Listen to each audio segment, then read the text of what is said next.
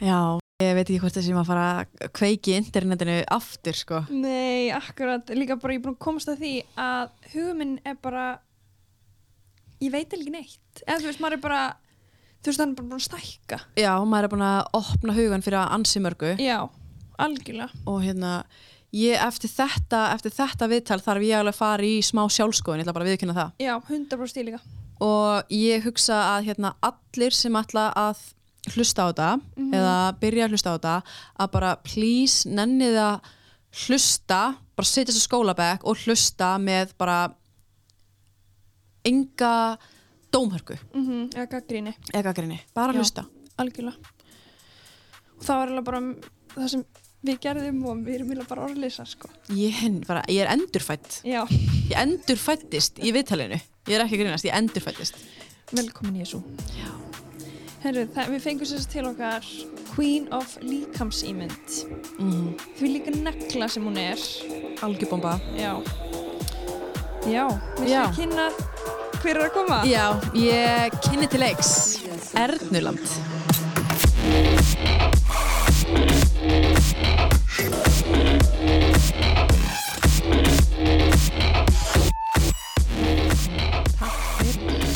Gaman að fá þig. Takk fyrir að fá mig. En kannski svona fyrir þá sem þekkja þig ekki þá hérna heldur þú uppi Instagram reikning Yes. sem heitir Ernuland Já.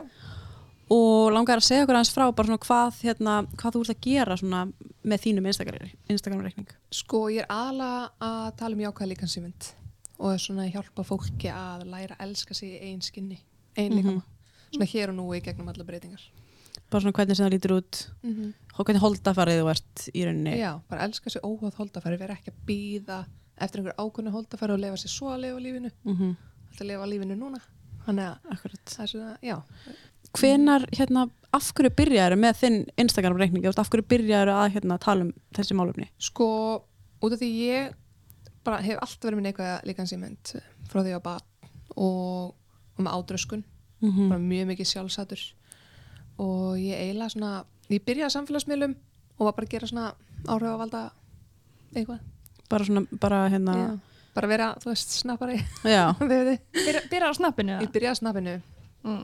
ekkert samt til að vera áhrifavaldur. Þetta var, þetta var óvart sko. Já Þú veist, er, er það ekki svona með flesta? Jú, þú veist, ég byrjaði var að sína myndir sem ég var að gera í badnæherbyggja og, eitthvað og svo Mhm. bara sneri stemmið við, allt í einu var ég ekkert að sína þær. Ég var bara að sína vörur frá fyrirtækjum og svo bara fylgið að stækka, stækka svo færði ég með Instagram svo mætti ég vegg og var bara komið ógeð af þessum feluleik. Mhm. alltaf að fela líka með minn mjóka mig, þú veist, með forritum. Mm. já, eða það, varst að nota þannig. Ég var alveg að gera það. Okay. svona mega sjálfsættur í gangi ég var alltaf meira meira pressa því fleiri sem voru að fylgjast með mér. Og ég var detta svona aftur í þú veist mega mikla átraskunni hefðun Mhm. þannig ég var bara orðin svona þú veist það ekki nennis ekki. Þú veist var að fara að gifta mig og ég var ekki lengur þú veist að huga andlir og líkamleri svona veljan á brúðkostæðin Mm. ég var bara ég vildi bara mjóka Ég var að grönn ég vildi bara grönn bara svona eins og sönn brúður á að vera. Já. og hérna datt bara í innan pakka sko. Hvað ert, eins og þegar þú segir að þú, þú svona uppleiðis með svona hatur á líkamæðin varstu þá bara, var, varstu að borða lítið eða varstu að bara ekki að borða yfir höfuð eða, ég var eiginlega ekki að borða neitt sko ok. En svo verði ég ólétt þarna mm og réttist fullt af ég myndi samt ekki segja, þú veist, úti ég var ólétt það bara, ég held að áherslan fór svolítið frá mér, þú veist, yfir líka einhvern annan, sko, Mhm. en Já. ég var ekki bara snúast um mig, sko. Og réttist svona eitthvað af, en svo fljótlega, sko, þegar ég fór að verða meira sem ég aftur þá fór aftur svona banka svona hei, það er ekki að verða mjó aftur? Þú veist, það voru líka allir að býða þetta ég er mjó aftur sem var klikkað já, eða það fólk bara, þetta, þetta kemur ég eitthvað, hvað? Já, svona þegar þú fær tíma til að vera ræktin og svona og sinna þér Ég eitthvað, já, þetta að vera mjó aftur mm. það var bara Ok. skilabóð alls þar að sko hvernig, líka svona mér svona áhugavert hvernig fólk, að því maður fæðist væntalega ekki með þessa kompleksa nei, nokkulega og hérna, en það eru margi sem, sem hérna, þú veist, byrja bara mjög ungir að upplifa svona sjálfshattur á, á líkama þannig. já. Hvena byrjaði þetta hjá þér?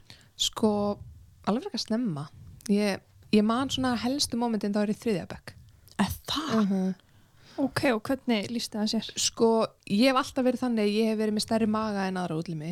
Þú veist, það er bara mín líkansbygging. Mhm. Og ég meina, ég gæti ekki spekla minn enni Disney prinsessu eða, eða hérna, hvað segir maður? Barbie dúkku Já, barbidúkku en einu slíku, því það voru allar með grant mitti. Þú veist, það var engin með svona eplalega líkamar, Mm. skilur Mm. Og þú veist, og ég fór bara mér fljótlega bara svona að fatta að ég væri ekki eins og það sem ég var að sjá í sjónvarpinu í teiknibókinni eða mm. nema þá yfirleitt vondikallinn, skilur Já, eh, já vondikallin er eitt feiti Já, pæli hvað þetta klikkað. En- Það er hárrétt. Já, en svo, svo finnst mér líka svo þegar, þegar ég, þegar, þegar ég þegar fólk sér og hérna, já líka reyndar, ég var alveg best að sjálfa mig við að ef ég sé ungan krakka Mm. sem er mjög feitur Mm -hmm. Þá oft hugsa maður sko hérna, það, er- hann hefur einhvern veginn ekkert hann kaupir ekki matinn eða hann, þú veist, getur ekki þá hugsa maður oft sko hérna, svona hendur svo foreldrana. Þú veist, fólk sem, að því er það þannig að þú veist, þú fæðist og svo er bara, ertu með mismunandi gen og 100% ég meina það hefur alltaf verið til feit börn já, Þú veist, það er ekkert eitthvað svona og árið 2010 erum við komið með nýjan tegunda börnum þau eru feit. Já, já, já, já. það hafa alltaf verið til Mm, feit börn. Og ég held að þetta snúist miklu meira að því sko e, breyttist eitthvað á þremánuðum bara rosa rætt Mm. þá getur verið eitthvað undirliggjandi sem er ástæða fyrir mikill þingdar aukningu eða þingdatapi Mm en auðvitað er enginn, þú veist það er alltaf sett sko skammirnar á þingdina eða fytuna -hmm. og meðan það er ímislegt sem getur valdið því að það verði mikil þingdaraukning á mjög skömmum tíma eða mm Mhm. þingdatapi, þið veitir en svo hugsa maður líka sko að feitbönn getur verið vannær, Mm þú veist Mhm. en svo koma mjóubönnin sem passin í BMI og þau fá bara svona frípassa -hmm. og það er engin, og það er, er að missa af heilbriði þeirra Mm út af því þau fá bara frípassa því þau eru samþyktir stærð en svo kannski bara eru þau vannar eða veit ég og við bara sjáum það ekki af því við erum svo upptikinn Mhm. af feitubörnunum sem eru Mhm. kannski bara hraust. Ég var einmitt að læra í skólanum um sem sagt leptín, hefur heist um það? uh, já, Það er hormón sem, sem er í líkamannum Fitu- eh, sem bara, svona feitihormón já, að þú veist sem sem seitir út bara, bara hjálpar okkur með matalist til dæmis. Já. já, já, já, og síðan er einmitt ungi krakka sem geta verið með of mikið leptín Mm, ok. Og það sem sagt eigur bara matalist hjá ungum krökkum. Og er einhver ástæð fyrir því, þú veist, fæðastu með auki leptín eða Já. já, já, já, þú bara fæðast með auki leptín. Ok. Og það einmitt hefur verið gert svona rannsóknir á því að þú veist það hefur bara þurft að fjarlæga leptín úr börnum. Já, meinar. Og þú veist síðan þá bara svona til þess að bara jafna hormónin í já, já, já, já, já þannig að þú farið aukna matalist já.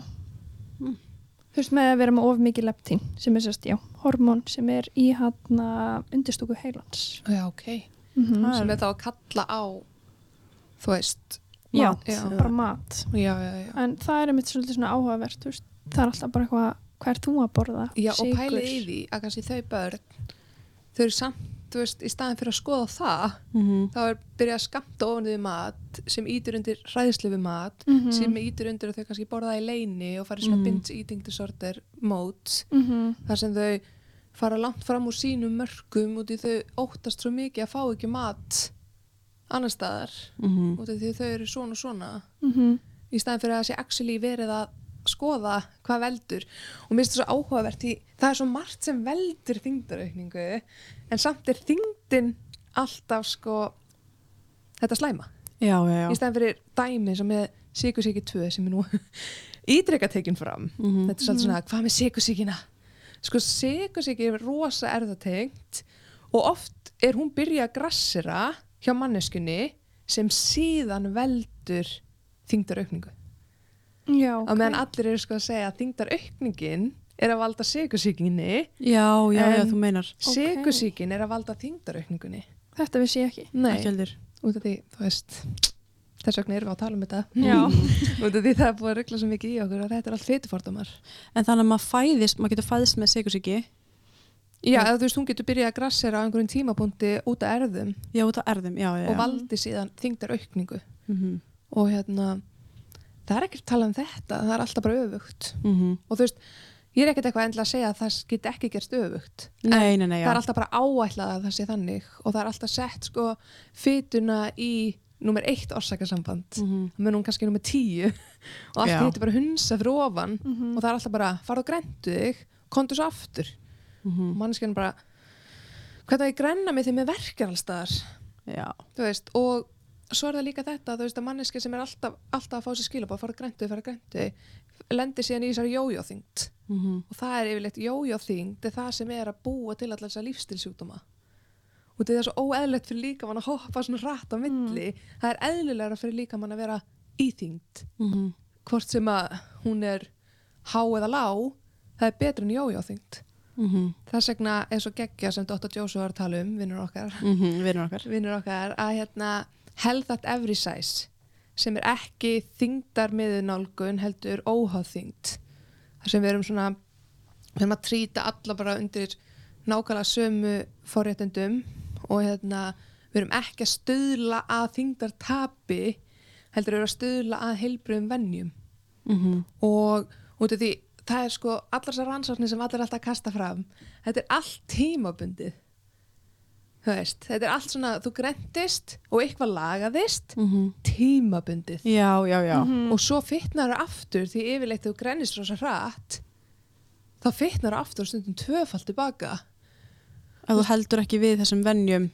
eða bara út af því metabolismin er orðin hægur út af því að þú varst að grennast svo hratt og ert kannski búin að vera jójóþyngd að það er heldur ekkit öllum ætlað að vera mjóir Nei, svo er það. það, svo er það það þannig við erum oft bara að setja fólki þá stöðu að sko, þröngva sér í eitthvað sem þið er ekki og svo fitna það aftur og kannski tvöfald tilbaka og upplifa það ennþá meiri skömm Mhm. ennþá meiri sko hvað er að mér veist, af hverju get ég ekki haldið með mjórum eða mjóum veist, ég feilaði þú feilaðir ekki, megrunin feilaði Mhm. eins og í 95% tilfella og þetta snýst ekki um sko að þú þurfur að vera ákveð mjór eða mjór þetta snýst um sko að þú finnir þitt almenna heilbreyði Mhm. og leifir þínum líka maður að finna sinn veist Erum við ekki svona, ég myndi segja svona, hérna, að ef við skilgri, skilgrænum heilbreyði, Mhm. fyrir mér hugsa ég sko heilbreyði, ok, að þú sért semst að borða næringar eitthvað fæðu, Mhm. að þú sért að stunda einhvers konar líkamsrækt, Mhm. Uh, að þú hugsir bara um andlega heilsu, að þú veist Aha. að þér líði vel Mhm. og, og svo kemur náttúrulega heilbreyði margt annað, þú veist, já, já, já. sjálfskoðun og allt það.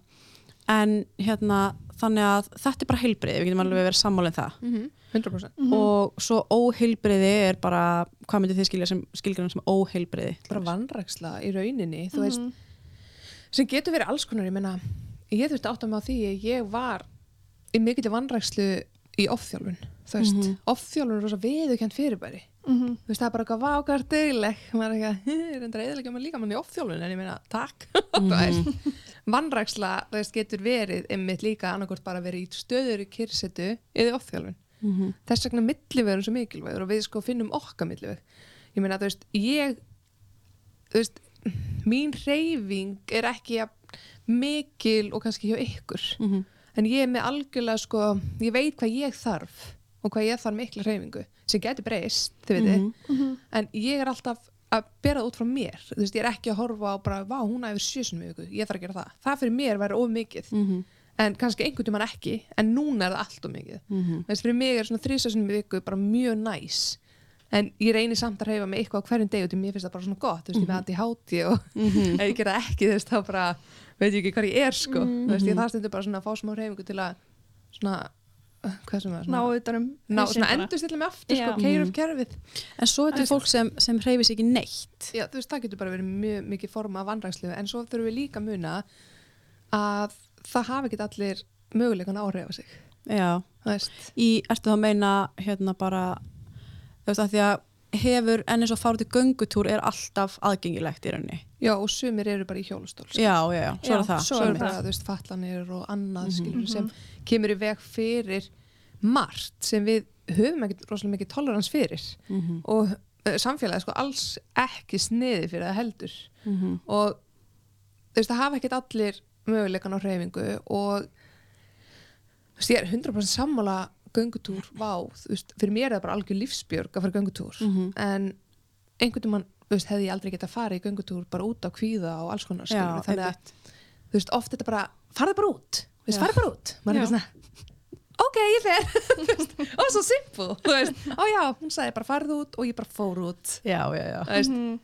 það, þú veist, þetta er bara svona eins og ertu búin að prófa að drekka vatn? Mm Æ, nei, ó, var það lusnin? Great. Og þú veist, ó, takk fyrir gott Mm. ráð, eða þú veist, Já, en bara brosa, ó, hm. þú veist, þetta er svona, við gleymum óslega oft bara hvað manneskan er komplex Já, Mhm. og að setja eitthvað upp í svona niðurlæðingaform er ekki að fara að hjálpa neinum, það er bara að fara að grafa hóluna dýbra, Mhm. þú veist, og þá fyrir alla óöða holdafari, því að þau miður eru, er ég örgulega að fara að stuða ykkur núna. Það eru ekki allir hleytir óheilbriðir. nei, Þetta er svo grillað, þú veist, það er bara verið að taka heilan hópa fólki, setja undir sama hatt Mhm. og segja að maður fara, veist, að gera eitthvað í sínum málum. Mhm.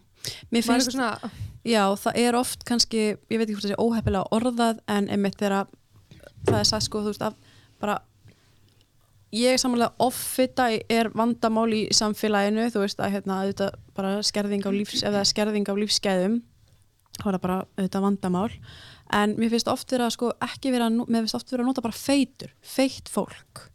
Þú veist, hver, hver skilgrinir einmitt þetta overweight eða vera Já. offita og feitur, að vera feitur þú veist, hvar ég næ ekki alveg utan um hvar, þú veist, að það er svolítið mismunandi fyrir fólk einhvern veginn, fyrir mér þegar einhver segir feitur er örugglega öðruvísi upplöðin en fyrir einhvern annan sem segir já þessi feitur já, já, já. Og ég held að það sé líka sko að þegar við erum að tala um offitu og við segjum bara offitæslæm mm -hmm. og ætlum síðan ekkert að útskýra neitt, heldur Mhm. bara offitæslæm, punktur, sé með stigmatizing. Mm Því að fyrir fólk sem ætlar ekki að fræða sig, þá heyri það ymmit bara þetta. Mhm. Ekki Og með er það bara- hugsun. ekki með gagnrinu hugsun og bara, já, ymmit og allir feitir eru með offitu, þannig allir feitir eru á slæmi stað, punktur Mhm. þetta er bara svona rosa grund og það er ekkert skoðað heldar samingi sem er til dæmis þú veist, feitir geta verið óheilbræðari út af alls konar ástæðum sem er ekki fetan til dæmis skert aðgengi að heilbræðistjónustu nummer eitt, -hmm. þú veist mæta til læknum svo bara að drepast inn í fætinum. Bara help. Á, ég sé nú að þú ert aðeins að fara að sleppa öllu þessu brauði. Uh, já, ég hef kannski ekki borðað brauð núna í ár hára gósið ég reyndar uh, drekka ekki gós heldur sko. Hm, ertu viss? Já, þú veist en ég er að drepast í nýjunu já, ó, það er eitthvað að grenna þegar við skoðum nýða það var já, út af því hvernig fjanda ég að grenna mig, ég get ekki stíði í fótinn. Mhm. Þú finnur út af því. Hérna komdu hérna 15 kílóum léttari næst og ég skal skoða þér nýð Þetta er raunveruleikin sko. Mhm. og það var líka hérna Anna, það fór stelpa sem var alveg að drepast í maganum, hann til læknis hún var bara svo að drepast og til Mm. læknis og segir bara, herði, bara alltaf ég setja eitthvað onni með að reyna að borða bara með illt. Já, og hún er svona hérna í bara svona góðum holdum og hann segir við hana já það er nú ekki það versta sem getur gert fyrir því þá ertu með minni matalist já, Ógæðslegt spáðu í þessu. Sko og svo er náttúrulega eins og með okkur þrjár veist, við getum ekki eins og ímynda okkur þennan sásöka því við höfum aldrei upplifað hann. Mm -hmm. og hérna það gleymist ógslag oft þú veist, að hversu mikilvægt er fyrir okkur að átt okkur á forréttindastöðinu sem við erum í. Mhm. þú veist, ég, mér er illt í nýjunu og ég fyrir læknis og hann skoða nýja á mér. Hann er ekki að fara að spyrja hvað ég borða. Mm hann bara að skoða nýja á mér og það því, mér getur verið illt í nýjunu þótt ég borði brauð og notabene brauð er ekki, og brauð er ekki óholt sko. Nei. Brauð. en samt einhvern veginn hef ég heyrt svo marga sögur þar sem læknir byrjar oftast á brauð brauð Brau, já. Já, og bara eins og bara þurfum við ekki bara að hækka sigurskattin já, já, það kom svolítið oft. þetta er feitt fólk borða bara sigur hvern má ég lemja þú veist, ég, ég sagði sko við Bassa í morgun ég leik hvað er hérna, hvað típa ætla ég að vera í þessu podcasti? Hann eitthvað, verður svona smárið. Ég eitthvað, já, ég vera smárið. Og því sko maður hefur sko ég hef tolerans Mhm. ég hef tolerans út af því ég er í forréttindastöðu. Mm. það er enginn að ráðast á mig. Það Nei. fagna allir mínum forréttindafellingu bara oh my god, svo dugleg, svo hugrökk og bara wow, you go girl. Bara þú veist, þú ert fullkomin eins og það ert út af því ég er ennþá samþygt Mm En ef ég verð ofeit mm, það þarf þetta að fara að hjálpar. Þá þarf ég að vera að leita með hjálpar og þannig er enginn að hlusta á feitu konun að væla. Klikkað. Mhm. þess vegna er ógslag mikilvægt sko ég hef ógslag mikið tolerans fyrir fólki sem er tilbúið að læra bara, Mhm. þú veist, og ég verða að hafa það. Ég meina, ég var ekki fordóma laus ég var með mjög mikla fytu fordóma en við erum öll þannig upp. Mhm. þannig að þýðir ekki að fara alltaf bara í vörð bara, "Ja, ég er ekki með fytu fordóma en en þegar manneski er orðin allt of óheilbrið bara, þi- fjanda er þér ekki sama um heilbrið á einhverju manneski sem þú þekkir ekki? Það er bara, þú veist, hún er bara feit. Já, þú veist þekkir hann eitthvað, nei. Nei, þú veist, hvað hva veldur þessum áhugjum hjá þér persónulega? Getur ekki sofið það? ég bara, þú veist, það á bara enginn að fá að vera feitur og hamingsamur Mhm. og maður hugsa bara, wow, af hverju mannskjörn hugsa svona? Ok, a. Kannski búin að eyða allir sinni æfi í að passa að vera ekki feit. Eyða þvílíkum tíma uh, skerða lífsgæðin sín og banna sér mat og da da da da da fjárfesta í því að verða ekki feit.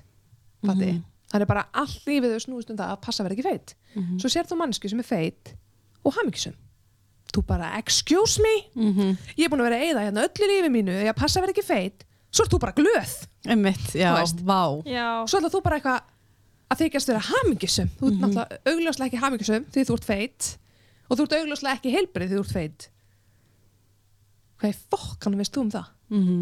Við getum ekki, þetta kallast svona fetulestur að lesa holdafar Mhm. Þú veist, ég veit um fullt af konu sem myndir rústa mér upp esjuna sem eru feitar Mhm. Ég væri eitthvað, ég er ekki að meðið mig veitir, veitir, ég er bara í my journey, þú veist, að bæta þólið mitt og því, þú veist, eftir mína átrúskun þá var ókslega erfitt að byrja að hreyfa sig aftur Mhm. því ég átti ókslega erfitt, ég var alltaf svo hrætt við að detta innan vítarhing þannig ég var hugsaði bara, ég ætla freka bara að vera óheilbrið í kyrsetu Mm.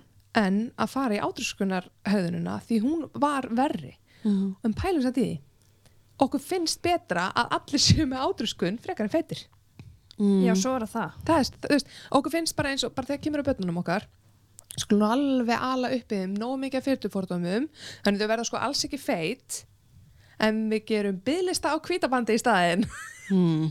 því það er miklu betra, er það ekki? þau verða þá allan að mjóa með hann Já en með sjálfsmásugsanir og allt það en minna mjó maður er bara, En er, er þetta ekki líka smá, ég held hérna, eins og vorum að tala um hérna, OnlyFans, ég veit að allir er búin að fá á OnlyFans, en hérna þegar, fólk er að tala um þetta, þau vil ekki að börnin sín verði feit Já, út af því þau vita bara hvaða afleðingar það hefur fyrir börnin í skóla. það er nefnilega máli Þannig að þetta er svona, ég held líka fólk sem hugsa það, þú veist, ég vil 100% bet- frekar að barnið mitt sé mjótt svo að þurfi ekki að vera lamið. það er nefnilega máli, þetta er sko frá foreldrum ekki öllum, ég segi sum Mhm. þá er þetta að koma frá stað sem er umhyggja Já, sumum bara for, uh, ég get náttúrulega ekki tala fyrir alla for, foreldra en ég veit bara að veist margir hugsa bara, býtu hún að feitt bara, hvað gerði hún vittlust Mhm.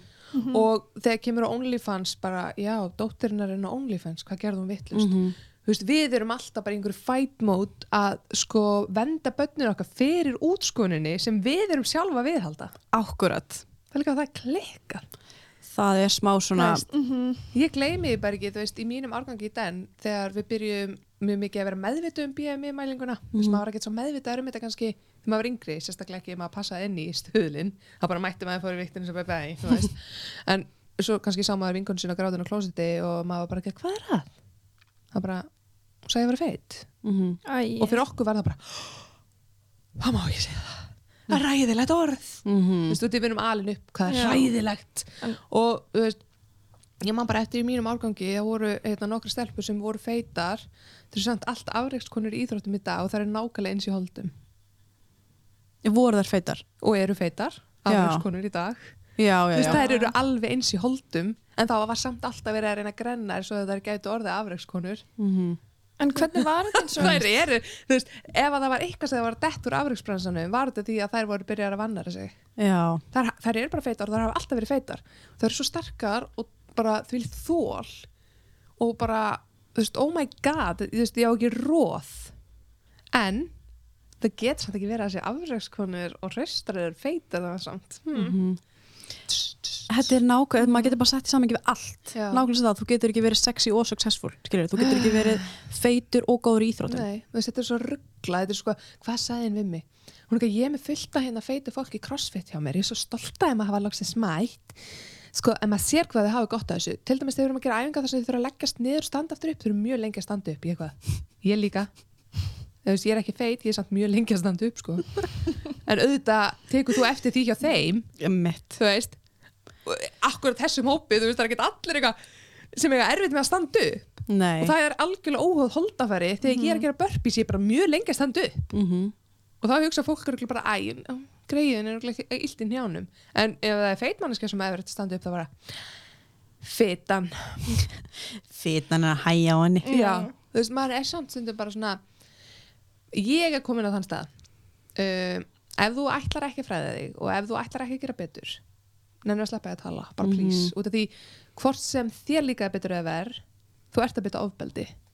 Og meðvitaði ekki þú ert að beita ofbeldi.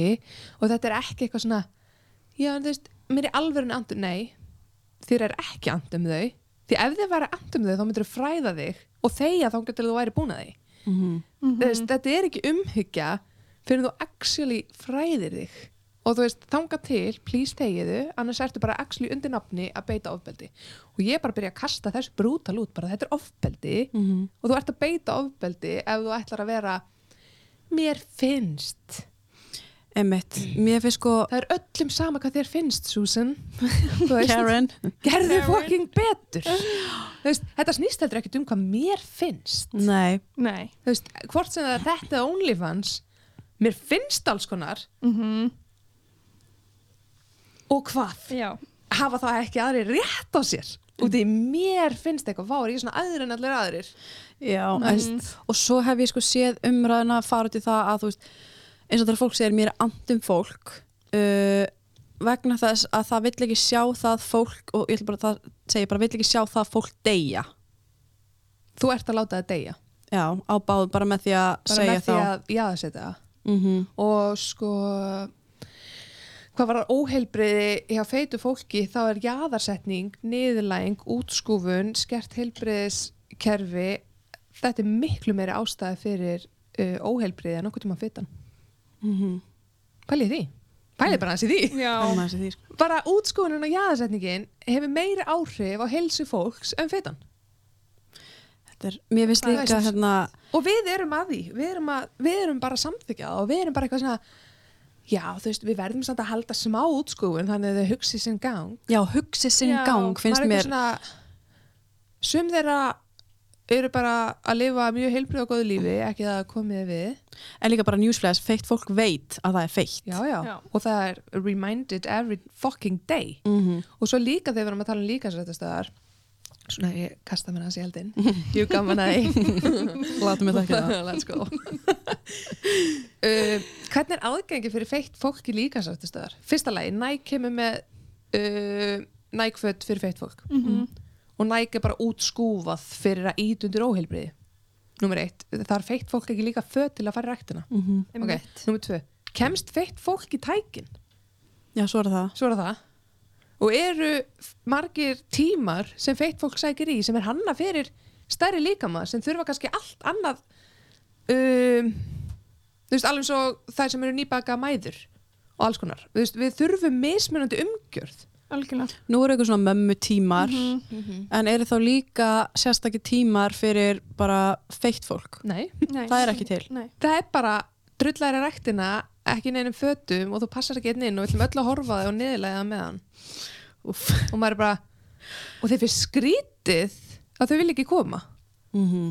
því að við erum örgulega að fara að vera bara eitthvað sko ég vissi gætir þetta en er regnbóin okkar, nei, við erum bara að fara að vera eitthvað hvað áttu nú engin almennileg föt að vera í? Nei, Nei. Því fjandinn hafi það það er ekki til þú veist, er eitthvað að ykkur? Já, Er- þarna, þú veist, típan sem ég ætlaði að vera svona pingu pyrruð? Já, en bara, ok, skiljanlega. Þú veist, maður er bara orðin svona þú veist, ég er að horfa bara upp á fólk sem ég elska í mm. niðurbroti, allan daginn alla daga, út af því að fólk eins og við fólk eins og við Mhm.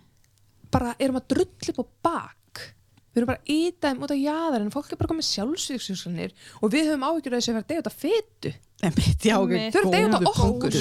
Þau eru á okkur Já. Við erum, þú veist, ástæðan hérna sko Þetta er, Þú veist, fólk á einelti Þú veist, þetta er beyond einelti Þetta er ofbeldi Þú veist, einelti er alltaf ofbeldi en fatti Þú mm veist, við erum bara að íta þessu fólki af plánundinni Mhm. mér finnst Með merkilegt. Já, með umhyggju. Þú veist, ég elska þig en fokkast í burtu Ha? En ég er með forduma fyrir það sem þú ert með utan að þér. Já Sem þýðir líka, ég er með fordóma fyrir þér Já, ég meina, ekki er fitan heima að gráta. Sko, sorry, en kast þetta er eins og þú settir á Instagram Mm Hérna, ertu með fordóma fyrir fólki eða fytunni? Já, sko, ok. Ég held, ef, ef ég hef, ég gerði þetta náttúrulega mínum, já. Sko. Bara, ok. Já, Ég náttúrulega er með allt annan markup á mínu Instagram en þú. mm, já allt annan allt Ég annan. Vá, ég já. bara hrætti Ég myndi fara eitthvað svona story take á því þér sko Já, sko, ég náttúrulega með mjög mikið fólki sem er í íþróttum, mjög mikið crossfit, því ég sjálf er crossfit og já, ég segi þarna um, eitthvað viðtali hérna í stóri hjá mér og bara spurja minn markkóp, eða minn hérna mína fylgjendur, bara eru þið sammála eða eru þið ósammála? Já, já, Uh, 80, yfir 80% voru sammála og svo voru hann einhver, einhver undir 20% sem voru ósammála. Mm og Sammála hverju þá? hérna getur við fengið myndina af viðtalinu Da, da, da. Da-da-da. Komdu með þetta við Já, Já. já. Uh, þetta er sérst viðtal, það kom sérst einhver hérna, uh, kom þjálfari uh, sem er hérna á einhverja crossfit stöð í Reykjavík og þar uh, fer hann í viðtal og mér langar bara svona aðtuga hjá mínum fylgjendum bara hvar þið standið í þessari umræðu, bara svona eru þið hérna svona, ég skammast mín basically ekkert fyrir að segja ég sé með fytu fordóma af því að það verður að segja að fyta er hættuleg. Það er ákvarðanir sem við tökum í lífinu valda því að við verðum feit og verðum veik. Og um, já, þannig ég svona emitt, setti svona spurningamerki við um, smá hérna. En ég, ég hlustaði sko á já, ég hlustaði reyndar á allt viðtalið Mhm. og hérna þar tekur hann reyndar líka fram í viðtalinu að það er ekki bara það er líka, sagt, grant fólk getur líka verið feitt að Mhm. innan Mhm. það er til sem heitir skinny fat Mhm. að hann er að tala um fytuna sem sest á líffæriðin Mhm. Það hefur samt enga, sko, ef þú pælir eiginu mm. Við höfum samt enga fordóma fyrir því fólki það er erfitt að sjá það, Mm. emitt Við, við erum bara eitthvað Ert þú skinny fett? Vá, hvað þú berða vel You go girl Svo getur maður fengið bara einmitt. Passar inn samfélagi fullkomlega. Já, já. enginn er pælið í sko. En ég hugsa sko, ég hugsaði, ég reyndi að fara með inn í þetta viðtal með svona opnum hug, ok, það sem hann vil koma framfæri er hérna að, að, að það er ekki gott fyrir mann að hugsa ekkert um heilsuna, þess að þú hreyfiði ekkert borðar enga næringar, enga mat þú veist, og sért bara svolítið að, hvað segir maður, bara vannæra sig og Já, já, bara vannrækja já, vannrækja sig. Já, það er svona sem hann vildi koma vekja sérst fólk til umhugsunar. Mhm. Uh, ok. Ég veit ekki alveg hverju að byrja sko. Ég veit. En hérna ég hugsa bara að það sem ég tók út úr þessu var svolítið að hérna, sem þjálfari og ég sjálf, næringaþjálfari að maður verður svolítið að það skiptir máli hvernig maður orðar hlutina. Út af því að út af því að hérna, hérna er maður rauninni veist, að mögulega um, særa tilfinningar fólks. Mhm. Líkilega. uh, og líka hvar, veist, hvar, hvernig myndir þú taka því eða hvernig túlkar þú það þegar fólk segir ég er ekki með fytu forduma ég er ekki með fordum fyrir fólk, feitu fólki heldur fytunni sem það sem það hefur. Má ég segja já, uh, Ég túlkaði þannig að þú ert með fetu fordóma mm sem hann segir sko. Já. Og ég túlkaði það þannig að þú ert með fetu fordóma fyrir manneskinni Þetta er bara mjög viðurkend aðferð. En viðurkend sko dulbúningur fetu fordóma í rauninni Ég er mm -hmm. mm skadalega ummyggisemin það er sko það viðurkendasta sem við höfum í samfélaginu og það sem við flest beitum í fytufordóman er að við viljum ekki vera með augljósa fytufordóma heldur setjum við það í búning umhyggju. -hmm. en við erum samt fyrir Þannig- fólkinu, ekkert eitthvað fyrir fytunni heldur fyrir fólkinu. En þú setur þetta upp í svona mussi, Mhm. mussibúning mér þykir vænt um fólk segir hann í viðtalinu. Þess vegna vilja hann koma þessu á framfæri. Ef hún myndi tekja vænt um fólk þá myndi hann fræða sig og gera betur. Já, það er hérna hvað er tussan? Nei, það er alveg, alveg valið punktur að að ég veit til þess að, að þegar ég setti þetta í stóri þá sendu mjög, mjög margir að þetta hafi haft rosalega slæm áhrif og þau hafi ekki fundið fyrir því eftir að lesa þetta viðtal ok, let's go, ég ætla að fara og hlaupa 10 km frekar völdu þau ég vil ekki lappin í þessa líkamsættastöð þar sem þessi þjálfar er að vinna og ég ætla að segja upp minni áskrift þar því að mér langar ekki til þess að lappa þarna inn og vera dæmt fyrir það að vera með fytu það er það sem þau tók út úr þessu og það er það sem mér finnst uh, sárt að heyra það er svolítið skilabóðin sem, sem er verið að setja út í samfélagi ásamt því ásamt því að vera að hérna, vekja einhverja aðtikli á því að, að offita sé uh, skadaleg og allt það. En já, og það er líka bara þegar kemur offitu þá eru það svo margir þættir. Þú veist, það er basically eins og hægt að segja bara svart og hvita þessi skadalegt mm Mhm. það er bara ógeðslega flókið. Þetta er bara ógeðslega flókið. Já. það er alls konar tenging, alls konar orsakasambund alls konar, alls konar sem er bara flókið og segja bara eitthvað skadalegt pundur, engin útskýring, ekkert. Er bara ítir fólki út í miklu háarir fytufordama og ítir öllu fólki sem er á jærunum ennþá lengra. Þú veist ég held að það sé bara ógislega mikið svona það er ekkert svartkvitt í þessu. Þetta er ógislega flókið og þess vegna er svo ógislega mikilvægt að við séum með opin hug og ef við höfum ekki vittneskjuna til að útskýrta sleppa því. Já, algjörlega. God fuck, sleppti því. Og hérna mér finnst það ekki fólk vera með áhuga fyrir fólki eða er ekki tilbúið að hlusta á fólki sem actually er að upplifa þetta, þetta er alveg og aftur með OnlyFans. Það var alltaf að tala yfir konurnar á OnlyFans sem voru að segja bara, mér liður vel. Mm ég upplifi mig öruga nei. Nei, nei, nei, nei, nei, þú veist ekki þú betur. veist ekki hvað þú ert að segja væna mín. Þér Mhm. auðvitað líður illa og þú ert óörug og óörugur í mig ég veit það betur en þú maður svona, ha, hættu þetta lífi fólk? Já, og það var oft verið að nota sko hérna hægt að hvetja annað fólk til að gera sem þú ert að gera. Og það var svolítið líka sem hérna var sagt í þessar umræðu í kringum þetta viðtal að hérna að það á ekki að hvetja fólk til þess að, að verða feitt eða að vera feitt af því að það er mikilvægt að hrista upp í fólki og láta það vita að það er ekki uh, gott eða allt í lagi að vera feitur og, og feitur, segir hann. Og þá, þá er líka alveg þessi spurningamerki við hvað er of feitur. Og okkur ertu ekki að hugsa um of grannur? Já, Já, svo reyndar setur hann líka hérna, segir hann lengi í viðtalinu að auðvitað er það líka ekki heilbreytt sko, að vera ofgrannur já, já. og hérna að grannt fólk getur vissulega líka verið feitta innan. En það er ekki fólki sem verður fyrir fytu fordómanum Nei. sem, sem Nei. ekki neitt. Akkurat. Og þess, þess vegna finnst mér svo mikilvægt að við skiljum hvað fytufordómar eru. Það er ekki um mikið sem við á neittnátt fytufordómar eru bara kerfisbundnir fordómar gagvart hópi fólks sem er sko það hefur minna aðgengi eins og ég sagði aðan bara helbriðskerfinu, mentakerfinu fjára, öllu neymit atvinnu, Mhm. aðgengi öllu, það eru fytufordómar Mhm. og svo eru lúmskir fytufordómar sem lúmski sem sjást ekki. Þess að við erum samt alltaf að hvetja fólk til að minga sig á kostnað feitra það er lúmskir svona læðast svona um Þá í auðlýsingum eða? Já, bara út um allt. Já. þú veist, það sem er svona hvist alltaf læja hlæja þessu? Þú veist, það er viðkjönd mm veist, og, og bara dæmi þú veist að hvetja fólk, þú veist klappa fyrir fólki sem minkar líkamann sinn frekar en bara klappa fyrir fólki sem actually sinnir sér óháð holdafari, þú veist, og það er það sem Dr. Joshua er að tala um. Health at every size að við séum ekki alltaf með þetta markmið að líka meðin mingi á einhvern hátt heldur við erum með markmið að þér líði vel Mhm. andlega og líkamlega Mhm. holdafarið er síðan allt annað mál þú veist Já, þetta bara snýst alltaf bara er eins og þegar ég með fyrirlustur er að útskýra fókusin má ég segja hann? Mhm. ok, það er svona tvær kúlur og það er hérna holdafar útlitt breytingar Ok. ástvirðing samþyggi þetta er bara kúla, hún er læst og það kemst ekki inn í hana þú, þú ætla bara að elska virða og samþykja holdafarið sem þú berð og útlitið í gegnum alla breytingar og allt lífið. Svo er hinn kúlan, það er bara lífið okkar milliviðurinn. Hamingja, óhamingja, veljan, vanljan þau veit, matur, mataræði hollust og óhollusta, hvernig sem við skilgrunum það hreyfing, kyrseta, milliviður. Þetta er það sem við erum alltaf að mandla eitthvað. Reyna að finna hvernig liðið mér vel andlega og líkamlega.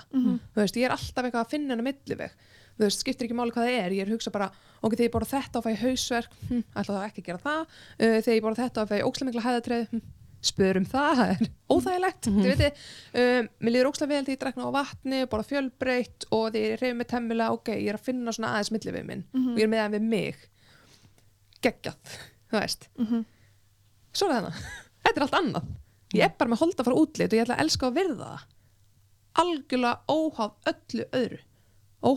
heilbreyði, óháð öllu. Og því, veist, það bara sér kúla hún er bara læst. Ég er alltaf samt að reyna auðvitað að leita að velina tilfinningunum minni. Því, þú veist, við viljum það. Það er engin eitthvað svona nei, mér finnst aðalega næs líða illa. Mm. veist, við leitum oftast nær í eitthvað sem lætur okkur liða vel. Mhm. og það að segja að jáka líkasýmyndi þetta self-love íti undir óheilbriði er svo steikt. Já, það meikar ég vil bara segja það hversu lengi myndi einhver manneskja meika vera í óheilbrið og vannrækslu og líða illa endalaust með hausverk, magaverk hæðatræðu neymitt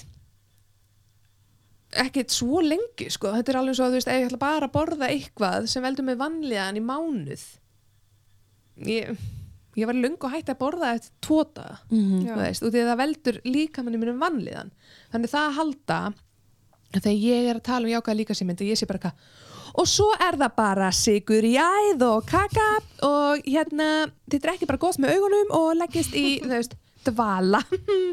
Elskið ykkur margur svona, ha? Ég hef aldrei sagt það ég hef aldrei talað um neitt slíkt. Ég hef alltaf talað um þegar þið öðlisli ákvæða líka sem mynd þá er líklega að þið vilja leita í almennt heilbriði Já. út af því þið finnir virðinguna og ég hugsa bara ok, ég með þetta musteri sem ber mig og milli staða, ég væri ekkert að ég væri ekki með hana líkama.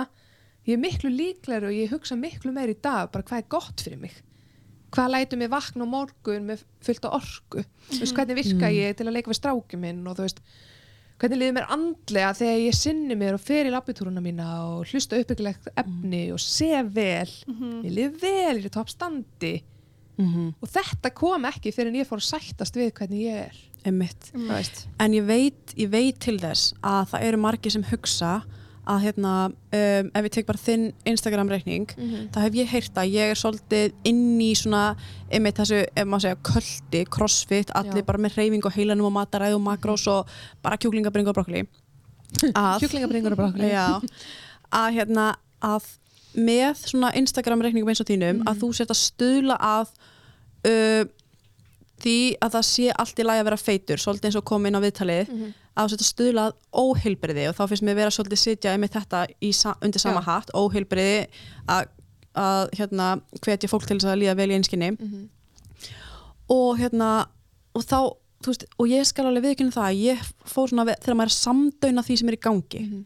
ég er bara inn í þessu og ég hugsa svona þá er bara verið að mata með að upplýsingum Mhm.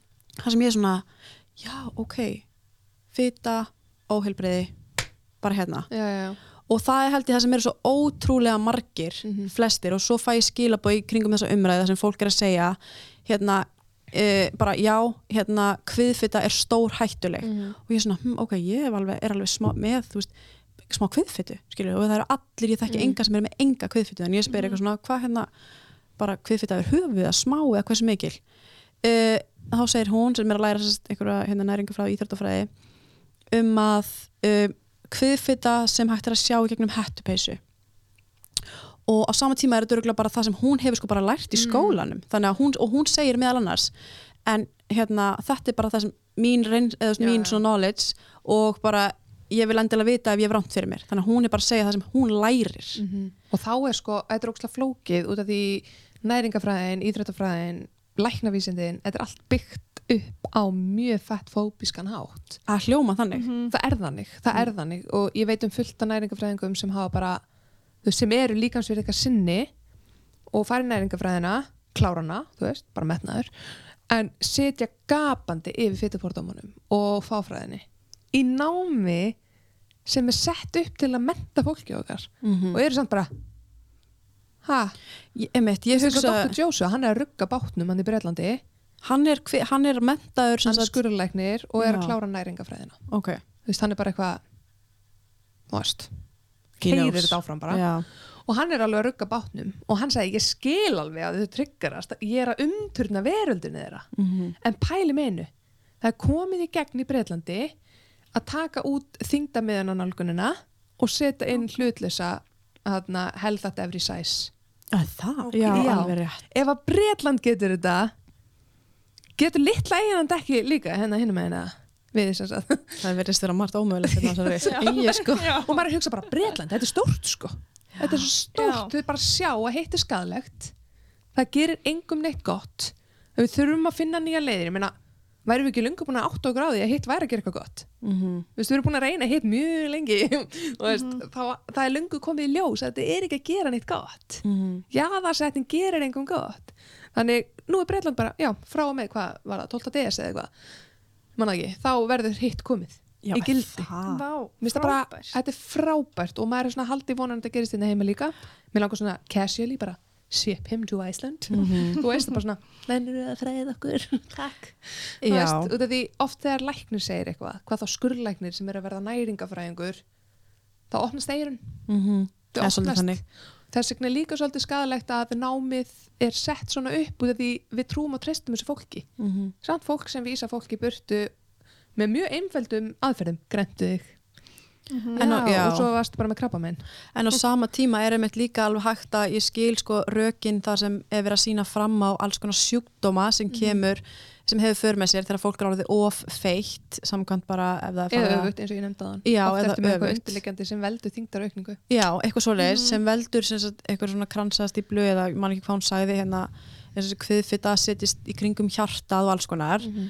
En ég segi svona smá spurningamerki bara við einmitt sko upplýsingarnar sem þú ert að setja út. Já, já, þú veist þetta, hviðfitta er skadleg einmitt. Uh, bara ég með fytu fordóma, fyta er hættuleg allt þetta. Allar þessu upplýsingar íta bara undir sko, sjálfshatu, niðurlægingu, ádröskun þetta er ástæðan okkur samfélag er eins og það er í dag. Út af bara svona upplýsingum eins og þetta tala um, við bara köstum þessu út án útskýringa. Þú veist, ég á sínum tíma hefði heyrt kviðfitta skadaleg og ég hef alltaf verið með meiri kviðfitt en annað. Mm -hmm.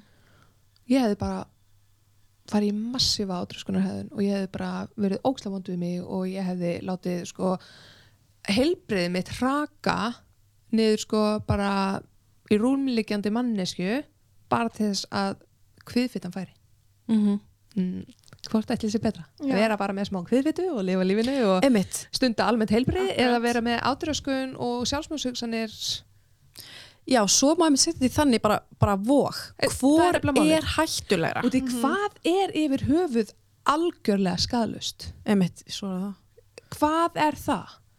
Er það eitthvað? Nei, því miður.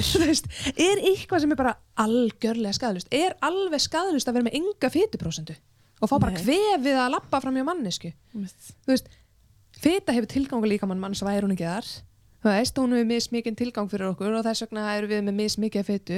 Konur eru yfirleitt með meiri fytur en kattmenn og því við berum börn, Mhm. þú veist, Og þurfum að bera börn. Þur, já, þú veist, við erum hannar fyrir það Mm -hmm. þú veist, og við erum hannar með allt öðru þessu hormónakerfi og það er líka stundum svolítið skrítið að þegar kona fer á kindraskaldurinn og fyttan úr rosa rætt út á hormónum sem eru náttúrulegur hormónar, ekkert eitthvað út um að borða franskar sko, Mhm.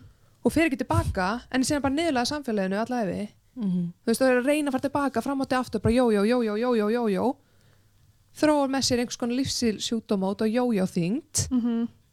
En það er enginn að pæli þessu í aðsetningunni, jójó þyngdinni þessum öllum þessum megrunarkúrum sem eru bílaslega skadalegir svo er hún hérna, er feitt komið einhverja lísti sjúkdóm að það er bara þegar þú ert feitt, reynda að grenna þig. Hún er ekki, ég er búin að vera að reyna að grenna með allt mitt líf ég er búin að vera jójó þyngd allt mitt líf síðan ég var á kindraskaldrinum en já, ég skal bara endlega halda áfram að reyna að grenna mig því það virðist virka svona agalega vel Mhm. Þið veitir, þetta er svo grunn Þetta er mjög grönt sko við þurfum að vera forvitin og pæla Mhm. Mér finnst einmitt líka oft sem að svona sér kannski grannar ungar stelpur svo kannski fitna þær -hmm. þá svona já hún var einsinni grönn já, Mhm. hún klístra. eitthvað aðeins mist sig Hvað skeði? já, hvað skeði Þetta er alveg la, la, la, la, la. En sko, mér finnst samt hérna, samt smá ég, ég er ekki eins og ég gerði hérna skoðan, skoðanakönnun á Instagram mm. ert þú með hérna fordum fyrir feitu fólki já, og svona og við erum að tala um það er með 30.000 manns á Instagraminu mínu um 10.000 manns tóku þátt í þessari könnun og yfir 3.000 manns Mm. sögðu bara já. Og sem er kannski lærra fleiri sögðu nei. Já, en á sama tíma svo sett ég annað sem sagði ertu með fordóma fyrir fytunni sem feita fólki hefur? Já. það voru fleiri sögðu já. Skilur, og maður bara svona ok, ég bara, ég En bara það er líka bara, einmitt, það er miskilingurinn Þarna er misskilningurinn. og það er eins og þú sagðir, er fitan heim að gráta eða manneskjan með sálina? Mhm. það veist. En þarna, svo sagði fólk líka ég kaus já, ég er með feitu fordóma eða fe, fordóma fyrir feitu fólki að því að, og það útskýrði bara út af því að, en ég vil ekki vera með þá. En ég er með þá, ég vildi bara viðurkenna það að að þegar ég fer í bónus og sé tvo einstaklinga, einn hérna, mjög grannan einstakling og einn mjög feitan þau halda bæði á snakkpoka þá hugsa ég hjá þessum grannan einstakling ú, kósi kvöldju þessum. Hjá hinum hugsa ég, mm, akkurat þetta er ástæðan akkur þú ert feit. Já, vá, Skilurðu? pældi því. Pældi eitt snakkpóki getur bara verið ástæðan. Og kannski er þessi svo maður eða kona að kaupa fyrir einhvern annan. Þú skilur maður veit Eða það bara ekki. fyrir sig. Eða það, en maður er bara instantly já. Já, þetta er sama eins og ég skal viðkynna fyrir nokkrum árum. Þá er ég á McDonalds og ég sé fjölskyldu sem er bara rosalega feit með lítið bann og þau eru að borða McDonalds nákvæmlega eins og ég og mín fjölskylda. Mhm.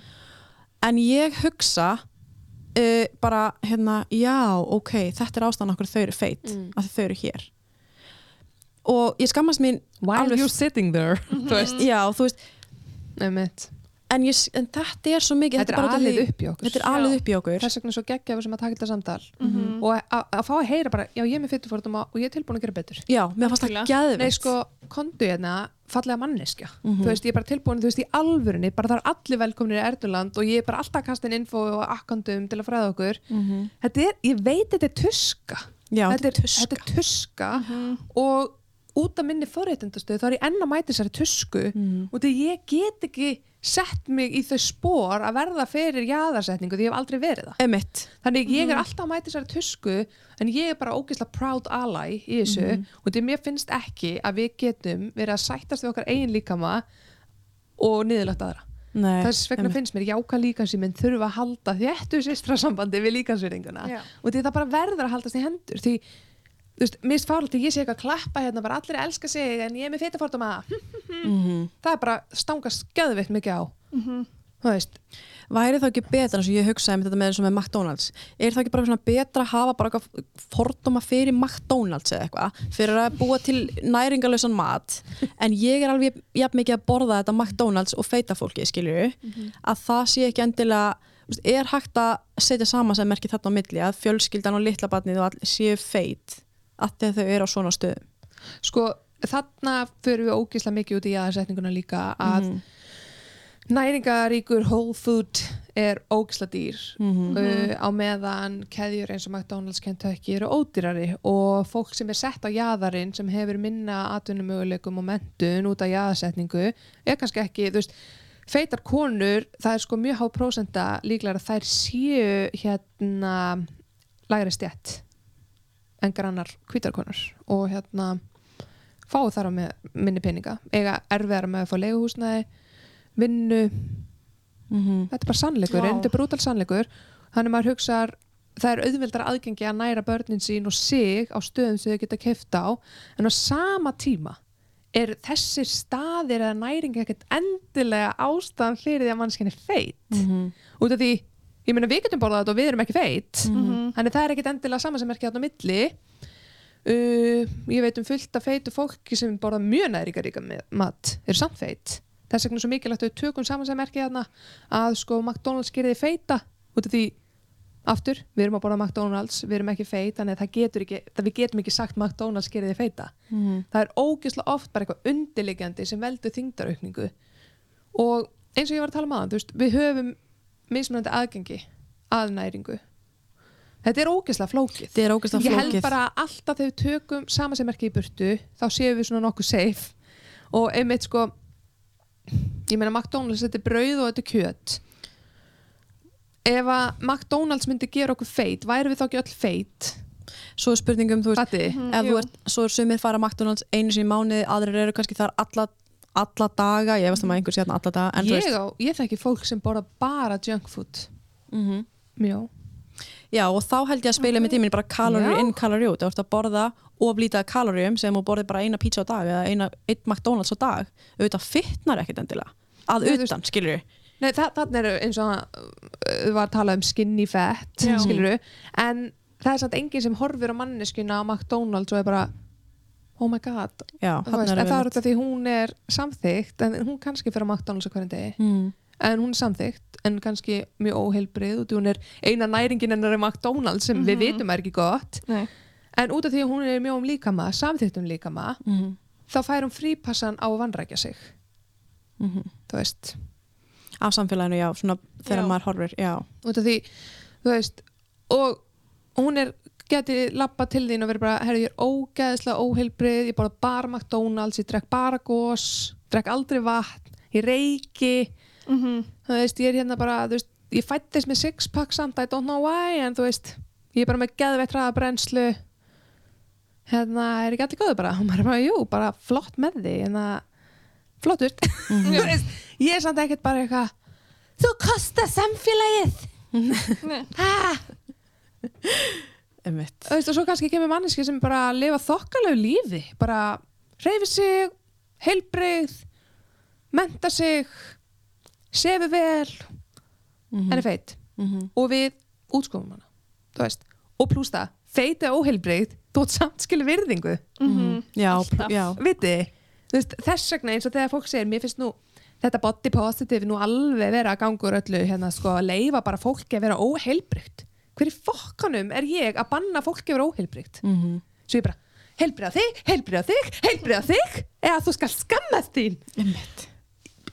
Er ég, hættum að playa guð? Já, Þú svo má það alveg ég hætta. vil að þú öðlist jákvæmt samband við þig. Mhm. þannig að þú hafir áhuga á að öðlast jákvæmt samband við mat og reyfingu þar sem þú finnir þinn milliveg og þitt almenna heilbriði Mhm. og það gerist með ást og virðingu Mhm. það gerist ekki með niðurlægingu og jaðarsetningu þannig feit og óheilbrið að fagna líkamanninum geðvegt Mhm. aldrei hægt að fagna líkamanninum hvort ert heilbrið og óheilbrið og því, ef þú ætlar ekki að fagna segjum, ok óhömmingisum og óheilbrið ég held að maður sé það bara svolítið fastur Mhm. Já. En svo getum við aftur fara á móti það, þú veist, það kostar að fara til sálfræðings. Nei, já, Það kostar, sko. það kostar líka að halda upp í kvítabandinu Já. Mhm. það er enginn að hugsa bara þú kostar samfélagi með þinn geðsjúkdóm Já. kostar, þú veist, að fá alls konar sjúkdóma þú veist, Þetta þetta, svo- þetta kostar það kostar bara að vera manneska Mhm. ég meina, þú Mér- fóbrotnar þetta kostar allt Mér finnst svo sorglegt einmitt eins og nú er ég með mjög mikið af fólki í þjálfinu mér að lesa þegar þau, hérna, þau koma inn að þau mjög mikið af þessu fólki kemur inn að þeim langar að losna við fytu eða kíló. Ok, allt gott að blessað. Og hérna e, við reynum að, að breyta einhvers konar viðhorfum, þú veist hvað heilbreiði, bara hreyfa sig, við ætlum að koma í smá hreyfingu. Við ætlum að, hérna, þú ert með markmið að sofa betur. Þú ert með markmið að drekka meira vatn og eitthvað svona. Og síðan skrifar það hérna, ég náði öllum mínum markmiðum. Þú veist, ég hreyfði mig þrissar í viku. Ég hérna, bjóð til hátegismati minn heima, svo eitt ekki pening í, í búðinni og, og það var svona þokkla holdt og allt það en, en svo er alltaf en leiðilegt að ég skildi ekki hérna fá tölun á viktina niður mm. þú veist og það er alltaf svona allt lofi fer á kílótöluna líka já en þannig erum við bara svona ok en þannig ertu búin að fara úr óheilbrið þú varst ekki að hreyfa Já. þig, þú varst Já. ekki að borða holt þú varst ekki að gera neitt þess að þú ætlaðir að gera Mhm. þú varst að vanrækja sjálfa þig en núna ertu búin að gera það er það ekki það sem við erum er það ekki, það veist, er the main goal. Einmitt. Þú veist, líðið er ekki betur, þú veist, þú ert að sofa betur þú ert að næra það betur. Veist, en þannig er fólk að segja skilur en ég er ekki að missa fytuna mína sem er sjáanleg. Þú veist, þannig að þú ert ennþá á samfélagin þú ert ennþá, þú veist, ég er að gera allar þessar lífstílsbreytingar en ég er ennþá með fytuna þannig að samfélagi sér ekki árangurinn ég minn veit það. Og, og, er ekki að fara að taka marka ára er ekki að fara að taka marka á honum. Þannig maður skilur ógislega vel þetta fólk sem velur að fara í fytursóg eða annars Mhm. konar stór yngripp út af því að það fær ekki að lifa fyrir að vera samþygt það fær að lifa í grönnum og óheilbröðum líka maður Mhm. mjög friðsælu lífi. Mm -hmm. en ekki feitum og heilbröðum þess vegna er ógeðslega erfitt eins og fyrir mig í minni fjórhastundstöðu að segja bara hvað er að fólki að fara í svona yngripp ég skilja það bara ógeðslega vel. Það er sko beitt ofbeld á hverjum degi fyrir útlitið og það hugsa kannski ég fer í þessa aðgerði, kannski missi allt heilbriði en ég verð þá að minnst okkast ekki fyrir aðkasti alla daga mm -hmm. með þess að í búðinni það er bara allstæðars, sundi, búðinni mm -hmm. þú veist, þú eru ekki að leita sér að maka þorir ekki að versla sér föt þorir ekki að setjast í stóla þorir ekki út í bara samfélagið er hannað gegn þessu fólki Mhm. og þú veist og mér finnst eiginlega svolítið svona ef þú ætlar ekki að leifa fólki að vera óheilbritt og hamingjusamt, óhaðstærð. Skammastu þín. Það er ekki þitt. Mhm. og meðan við leifum fólk að fá rými til að fagna sér er ekki líklegra að það vilji leita í almennt heilbriði Mhm. með, þú veist, pælti ég að við varum bara alltaf að bulli einhvern, svo bara, hvað, okkur vill hann ekki koma til fríminútur? Emmi, vá, Þú góð líking. Við erum bara alltaf bara, að það er ömulegur, ömulegur og ljótur og þú veist, áttu ekki rétt að er og svo bara, já, þú veist, það er ekki svo að koma í frímá Emmi, þú veist, I want the fucking why, skilur en ef við erum bara eitthvað, þú ert frábær þú veist, þú alltaf velkomin bara, þú veist, við fögnum þér, þótt og veist svona og svona, þú veist, bara alltaf, bara rýmið þitt og bara, you go girl og manneskjan er samt kannski bara ógeðslega óheilbreið og líður ógeðslega illa og við erum samt bara já, þú veist, og þú mátt elska þess og ert og bara við erum hér fyrir þig Mhm. og við erum ekki að fara að segja að breyta þér, við viljum bara vera faðmurðin Mhm. þú veist, í ógeðslegum heimi er ekki líklega að manneskjan, ó, ég ekki Mhm. Svo fekk ég eitt rosalega interesting hérna, comment, það sem eitt sagði að hann væri ofþyngd en honum fyndist eins og hann væri bara, hann væri ekki með svona viljan, viljastyrkin til þess að fara að hreyfa sig en honum fyndist hann vera í skjóli Mm. vegna þess að það er búið að normalæsa svo mikið að vera allt í lagi að vera feitur hann sagði þetta bara sjálfur að honum finnst hann bara í skjóli þannig að hann nennir ekki að gera neitt og ég sagði, En hversu lengi ætla þessi mannskja nenni ekki sem sér? Og þetta, þetta er óksláft. Það eru þetta bara personabindi. Já. Sumir, sumir bara vandrækja sig mörg ár, þú veist, og það er líka óholdafæði, sko. Það er ekki bara, veist, sumir eru bara vandrækja sig allt sitt líf og það kemur í öllum stærðum, mm veist. Þannig maður ofta hugsa bara, þú ert, að, bara, þú ert bara að segja við fólk að með vandrækja sig að það er feitt. -hmm. Þú veist, heldur virkilega að bara fólk sem er feitt hefur möguleikan á að vandrækja sig?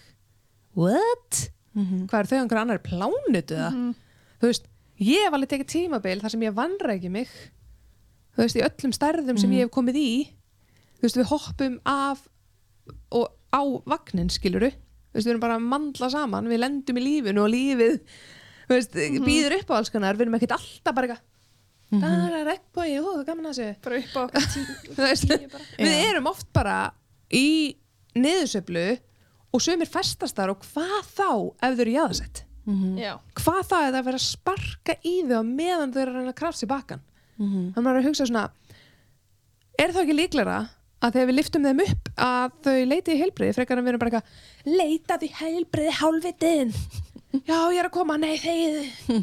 Uh, þú veist ég er bara genuinely að reyna að skilja og ég skil því ég var þarna sjálf.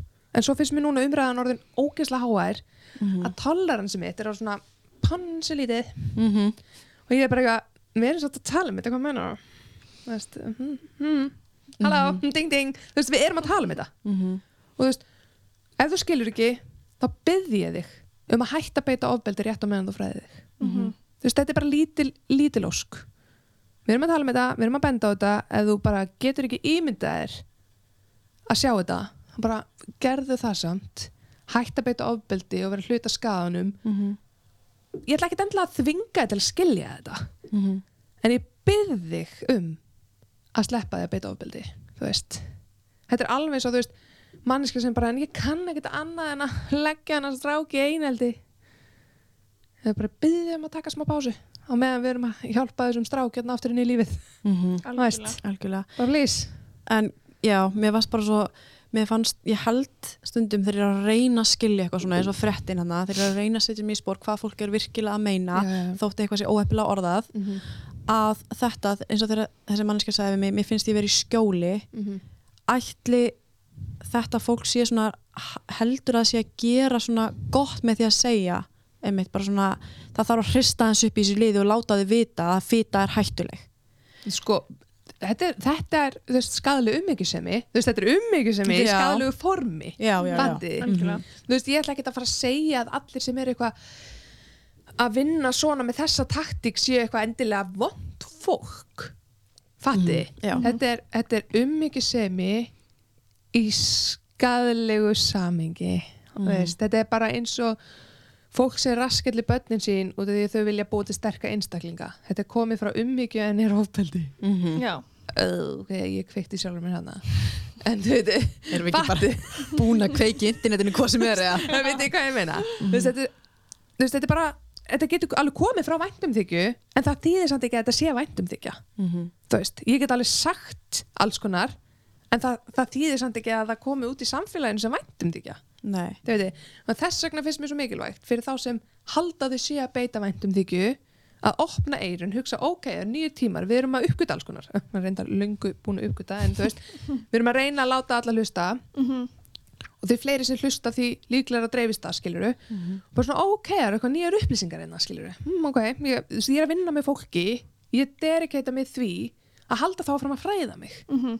þú veist, hvort sem þú ert kennar eða eitthvað annað, ég meina dæmi bara, já, ég er búin að vera í kennaranum í 30 ár, ég ertu búin að fá endurmendun einhvern veginn með hann eða guði hjálpi mér þú veist, veist, ennþá að slá bönnum með priki þannig, þú veist, ha, við þurfum að halda fram að menta okkur og fræða okkur þegar við fáum nýjar upplýsingar ef við erum að vinna með fólki. Við erum ekki bara, ég lærði þetta svona. Mhm. það er 1960 Nei, þegiðu tímanir eru breyttir sko. við verðum að halda áfram áfram að fræða okkur og þetta, þetta kemur að öllu þegar við vinnum með fólki öllum, öllum stjættum Mhm. þetta er ekkit bara eitthvað læknisfræðin þetta er bara allar stjættir ef við erum að vinna með fólki. Þú veist, ég er ekki að fara að segja að grafan allt í hennu breytist sko. Kerfið í gröfun eða stýrikerfið í einhverjum bát við erum manneskjur sko Mhm. við verðum að halda áfram að vinna út frá því að hlutinni breytast og heimurinn heldur áfram að þróast og við uppgötum nýja hluti Mhm. þannig að það sem þú heldur að sé kannski um mikið en við erum að segja sér skadalegt og feitt fólk er að segja sér skadalegt Mhm. reyði. Feitt fólk er búið að vera að segja sér skadalegt endalust endalust og það er pæli, það er miklu meira að hlusta á mig og það er miklu fleira fólk að fara að hlusta á ykkur en okkur tíma feitt fólk að segja nákvæmlega það sama. Mhm. Það er smá Það gali út af fyrir sig. það er galið, en það er líka bara þannig eru þau að væla sko og bara please leið okkur að tilvist rétt. Já, bara, og meðan við erum bara eitthvað ókslega mikla forréttundakonur bara da da da da da og allir bara já mitt, vá ég er að þetta fyrst skipti einhvern veginn. En þess vegna finnst mér erfitt stundum að, hérna, að hlusta á þjálfara uh, segja eitthvað svona. Þú veist, bara auðvitað það er erfitt. það er erfitt og hérna og þú maður setur tröst sitt á fólk sem er andum fólk Mhm. maður hugsa sko þú veist, já, þessi manneskja þú veist, er að vinna með fólki mm Mhm. -hmm. þannig lítur að vera andum fólk en svo erum við bara að læra það að niðurlæng virkar ekki Mhm. þótt við setjum hann upp í blómabúning þá virkar hún samt ekki Mhm. þú veist, ég get sparkað þig en síðan sýtti ég búblu og held áfram að sparkið þig það er alveg slæmt Mhm. þið veitir Þannig að, að hérna, enn fyrir þá sem eru kannski, einmitt eins og þú sagðir, þeir sem eru óheilbreyðir -hmm. og feitir, uh, ætli, ætli það sé að vera að tala um þá eða þarf að aðskilja, þú veist, á freka bara að tala um óheilbreyð fólk in general í 100%. staðan fyrir að setja fetu og óheilbreyði saman. alltaf in general, ég meina við getum öll verið óheilbrið óhað stærð. Mm meni ég hef alltaf verið óheilbrið bara út frá ofþjálfun næringaleysi sjálfskandi hugsunum. Það var samt enginn að vera eitthvað að drullast til að gera eitthvað í þínum málum. Og var þetta bara æj, æj, æj gaf fram þú, mjóa kona þú veist. Líka bara getur verið manneskja sem bara er gr í grunnum líkama og síðan önnur manneskja sem er í feitum líkama grannamanneskjan er einmitt kannski rosalega kvíðin og þungli, eða þú veist, og þung. Þú kannski reykir og drekkir og reykur og, já, síðan er önnur manneskja eftir sem er feit hann líður bara vel. Já, bara fulli synda og fara í besjuna og borða kínóa og eitthvað þú veist. Já, og hugleir hugleira kvöldin. Já, þú veist, en samt erum við bara búin að ákveða Mhm. að það þurfum nú að hristna þessu upp í þessu feita fólki. Mm þú veist, þess vegna er ég að tala um og því ég skil alveg sko að fólk sem er að vinna í þessum geira að koma fólki frá óheilbriði heilbriði Mhm. auðvitað, þú veist, það er að vinna í því að tala þau um óheilbriði almennt yfir mannkinnið, -hmm. ekki yfir manneskjur og útlitt Nei. Já, útlit þarna einmitt Mm. af því að sko, mér var alveg hérna, í viðtalinu var einhvern að skoða og hlusta á þetta að hérna, fýta sem sest á líffærðin hefur alls konar hérna, þú veist að þú myndar alls konar sjúkdóma og svona sem er alveg umræða út fyrir sig skilur þá má alveg vera að tala um bara einmitt, bara það sem maður setur ón í sig að maður kannski má alveg vera smá Ég meina bara Hérna, eins og er með allt þetta- annað, ég meina ekki að geta síkartstuppa, þú veist, það er slæmt fyrir þig, þú veist, þú veist það er gott bara skoðum aðeins, mustir okkar, þú veist, byrjum virðingu fyrir okkur. Einmitt, sem foreldri ef ég ætti badn þá myndi ég vilja með næra badni mitt með, góðri, með góðri næringu. Sjálfsagt. það er umræða sem ég bara stið auðvitað. Bara sem, fyrir alla bara. Fyrir alla. ég vona bara allir sé að virða sig og Já. drekka vatni sitt skilur hvort sem eru mjóir eða feitir. Já, hvað sem er mjóra fettir það, þarna, þú veist já, maður veit bara ekki hvernig maður á en ég er að ekki bara taka að dæma einhvern sem drekkur ekki vatn. Ég nei, er bara ekki alveg í minni stöðu sko. Nei, svo Nei. er það. Þú veit ég er ekkert Já. bara eitthvað og ég ætla bara að sparki þinn og þú drekku vatnið þitt. Nei, en á maður að vera í stöðu þar maður segir uh, þið eigið að drekka vatn, fólk á að drekka vatn. Þú veist, er það ekki líka mikilvægt ég, ég Að- meina, er það ekki sagt? ég meina, það er alltaf plaggut í öllum skólum. Já. Eitt glas á dag. Nei, Einmitt, þannig að það Það er er má eitt glas á dag. Ósla Æ, veist, það er alveg verið þessi skilabóð koma frá veist, fimm fimm litir á dag þú veist, sem á að vera, veist, við fáum okkur eitt epli, banana, Mm. apsinu eitthvað svona, fimm Mhm.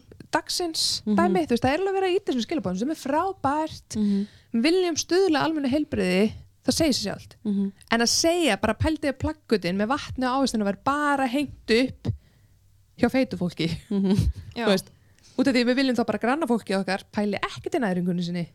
Veist, þetta er samt bara svona eins og fréttin var. Mhm. það er þótt að það hafi komið eitthvað síðan í næstu setningu já, og mjótt fólk líka þú veist.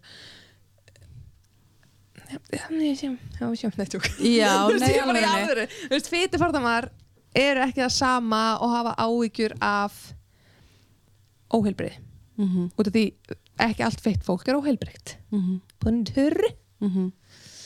Það er bara, svo, það er bara akkur það. Þannig að segja ég er með fitufordama út af innri fitu sem er líka á grönnu fólki. Ég meina, nú verður grannt fólk allt fyrir fitufordamum, hefur ekki tekið eftir því. Það, hef, nei, það er líka ekki hægt. Eða, veist, út af því að ætla þú ef ég fer inn í, inn í, inn í crossfit stöð eða líkamsasta stöð uh, þá er ekki ég er ekki tekin í röngan eða í blóðpröfum um, ég- um ég lappa inn. Nei, veist, þannig að þau vita ekkert um mitt heilbreyði ekkert en ef ég er rosalega feit og lappa inn út frá þessari grein þá má ég búast við því að fólk setja spurningamerki við hm, er hún heilbreyð, er hún Einmitt. út frá holdafari Já.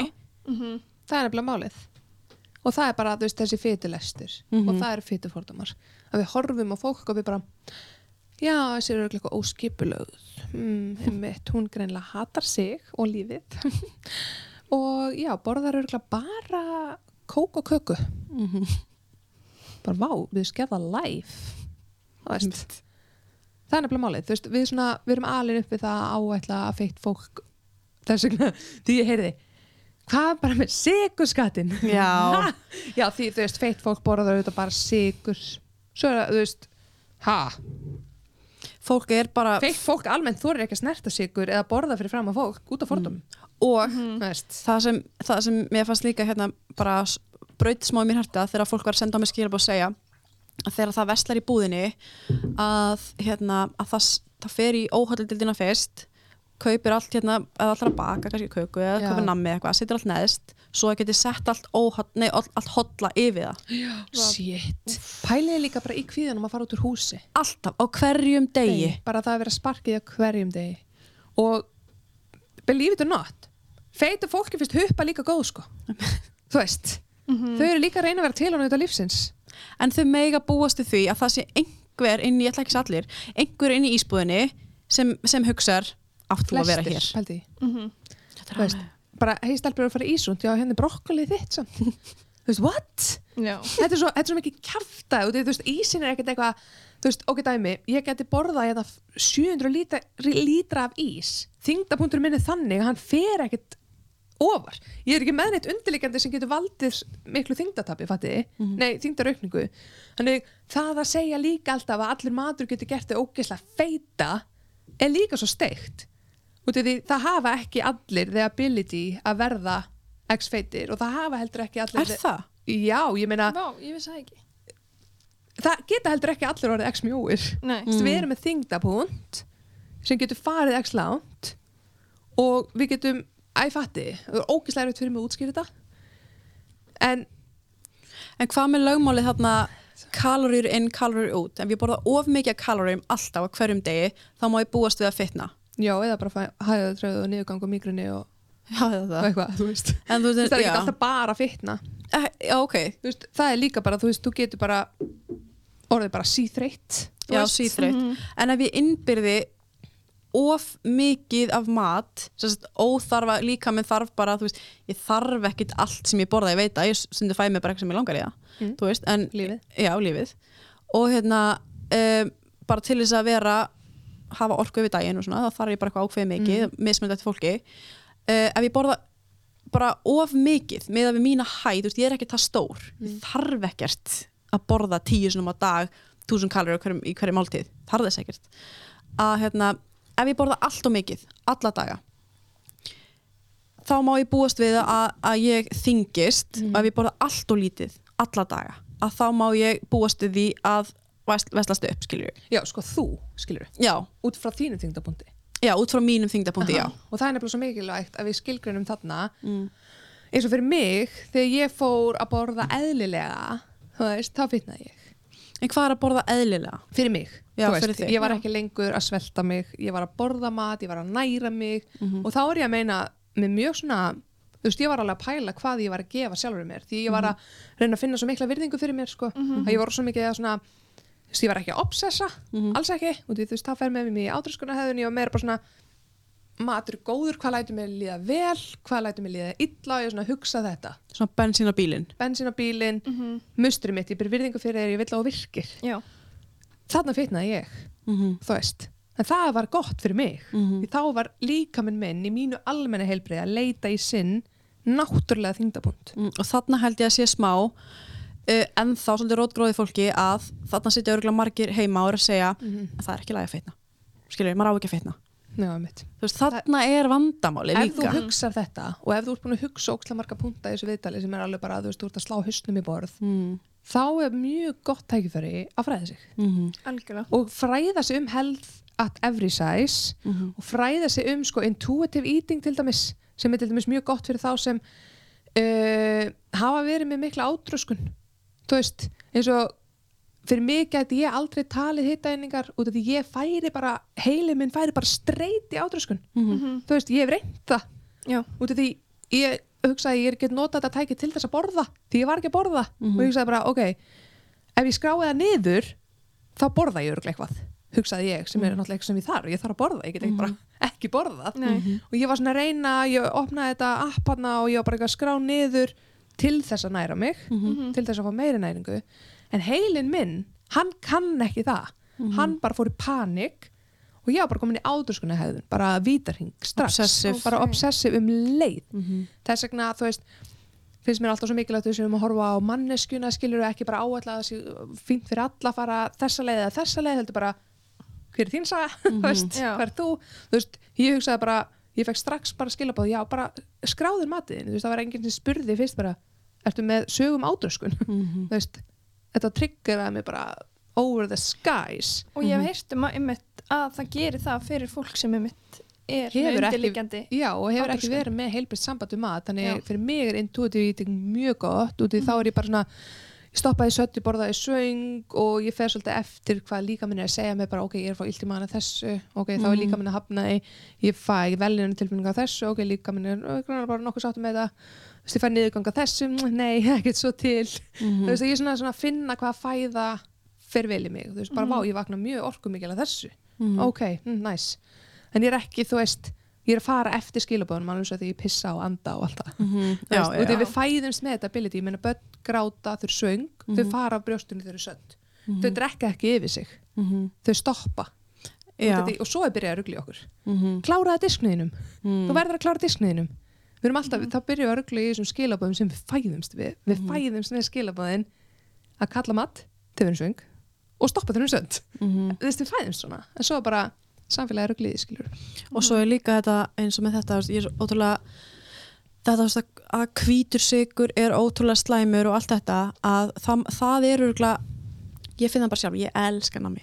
En ég finn það, ef ég borða nammi þú veist alla daga, að þá finn ég að ég verð þreytt og þú veist, mér liður illa og svona, að þannig ég veit alveg að sigur er ekki það besta sem ég get sett ofan í mig. Nei, nei, nei. en er ekki einhvers konar þú veist lína þar sem, þar sem mér líður vel er þar sem ég er ekki að banna mér eitthvað eða reyna að kötta út þetta hitt. Þú veist, þar líður mér vel. Já, til dæmis, þú veist, eins og ég hef hugsað sko í staðin fyrir að kötta út á bæti ég inn og til þegar ég kött út á obsessa ég yfir því og borða miklu meira af því mm. fattur eins og ef ég ætla að banna mér sigur, þú veist þá hugsa ég mjög mikið um sigur og ég fer mjög Mhm. mikið að leita í skápana eftir sigruðu einhverju Mm en þegar ég bara, ok, ég ætla ekki að banna mér sigur ég meina, sigur öllu vesen. -hmm. uh, ég ætla frekar að bætin, ég ætla að borða meira grammiti, ég ætla Mhm. að bætin meira af þessu og þessu Mhm. fyrir líka minn að kalla minna á hitt Mhm. Já. þú veist, en um leið og ég bara bannað, þá er ég bara ég verð að fá þetta. Mm og þú veist, og líka með fer svona obsession hegðun. Mér finnst það svona bæta inn frekar en að Já, taka út. svona byggja upp einhverja hræðislu gagvart einhverjum, þannig Mhm. að við vitum alltaf hvítu sigur er ekki það besta sem þú getur sett ofan í þig. Já, en og ekki það versta. Já, þú veist, það er ekki það skilju veist, það er ekki það besta og ekki það versta ég meina bara, er ekki svolítið svona Já. En sumum, sumir eru bara þar að hvítu sigur er það besta sem þú getur sett ofan í þig. Um, Þú veist En er, hva, þú veist, hvað, hvað finnst þér um lögmáli þú veist, allt er gott í hófi? Ég held að það sé bara næ, sko Já. Já, er það ekki? ég meina, Mér, al, Mér finnst það eins og alveg fyrir mig, ég meina- sko.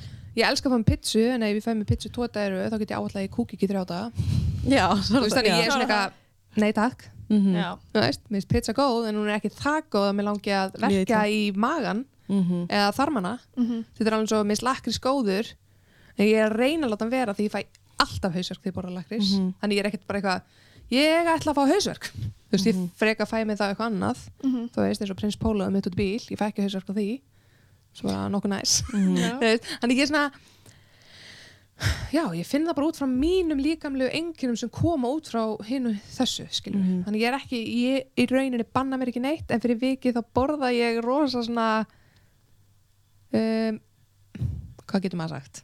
Sem flokkast heilbrygt Já, já, já. Þú veist, Bara, hérna, þú veist, hotla fæðu. Næringaríka Næringaríka fæðu, Já. það er næringaríka ég, fæðu. ég borða næringaríkt út af því ég bara hef ekki tíma til að vera eitthvað úsla þreytt. Nei, einmitt. En þú veist, þegar ég var úlingur þá var það allt annað, ég gætt borðað þú veist, ísjöld málum, við erum samt bara halló, mm -hmm. þú veist, ég er ofvirk sko, Mm í alvörunni. Já, ég líka. Bara, Örglega þú líka. Já, ég veit, ég veit aldrei fyrir greiningu sko. Nei, ég er bara búin að Þau greina sögðu að ég var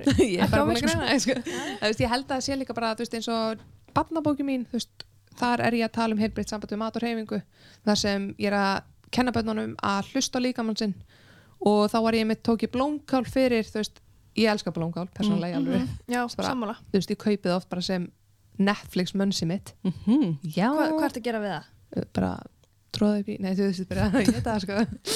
Bara Komin út út í OnlyFans hérna. Já, þú veist, ég elska blómkál. Þú ert ekki að krydda það eða Nei, ég bara- eða- Það er bara, já, bara ok. hérna, þú veist, bara blómkálshauðsins Já. Bara svo epli, bara já, basically, og Já, ég bara elska það með svo gott, þú veist. Mm. ég kann mér illa hóf í kringum blómkál. Þú veist. Sko, ég elska svipin eitthvað. eitthvað Já, það er sérstæð Já. en þú veist, pældi hvað það er eitthvað miklu viðkendar en ég, eitthvað, ég kann mér illa hóf í kringum snakk mm. Þú veist, bara, ógeð, snakk er wú. ógeðslegt ég get ekki þegar fólk bara snakk, ég bara, hvað er að lyktinni en ok, ég, ég og blómkálu mitt Mhm. uh, ég kann mér illa hóf við blómkál sem þýðir að ég freda sko svo mikið og svo ógeðslega siklikt í einhverja þrjá dag eftir þess vegna þess vegna þegar ég fæ mér blómkálu mitt Mm. þá þarf ég ekkert að borða allt blómkálið Nei, já, já þú veist, af því ekki það bara allir fjölskyldamæli trillast á mér Mm.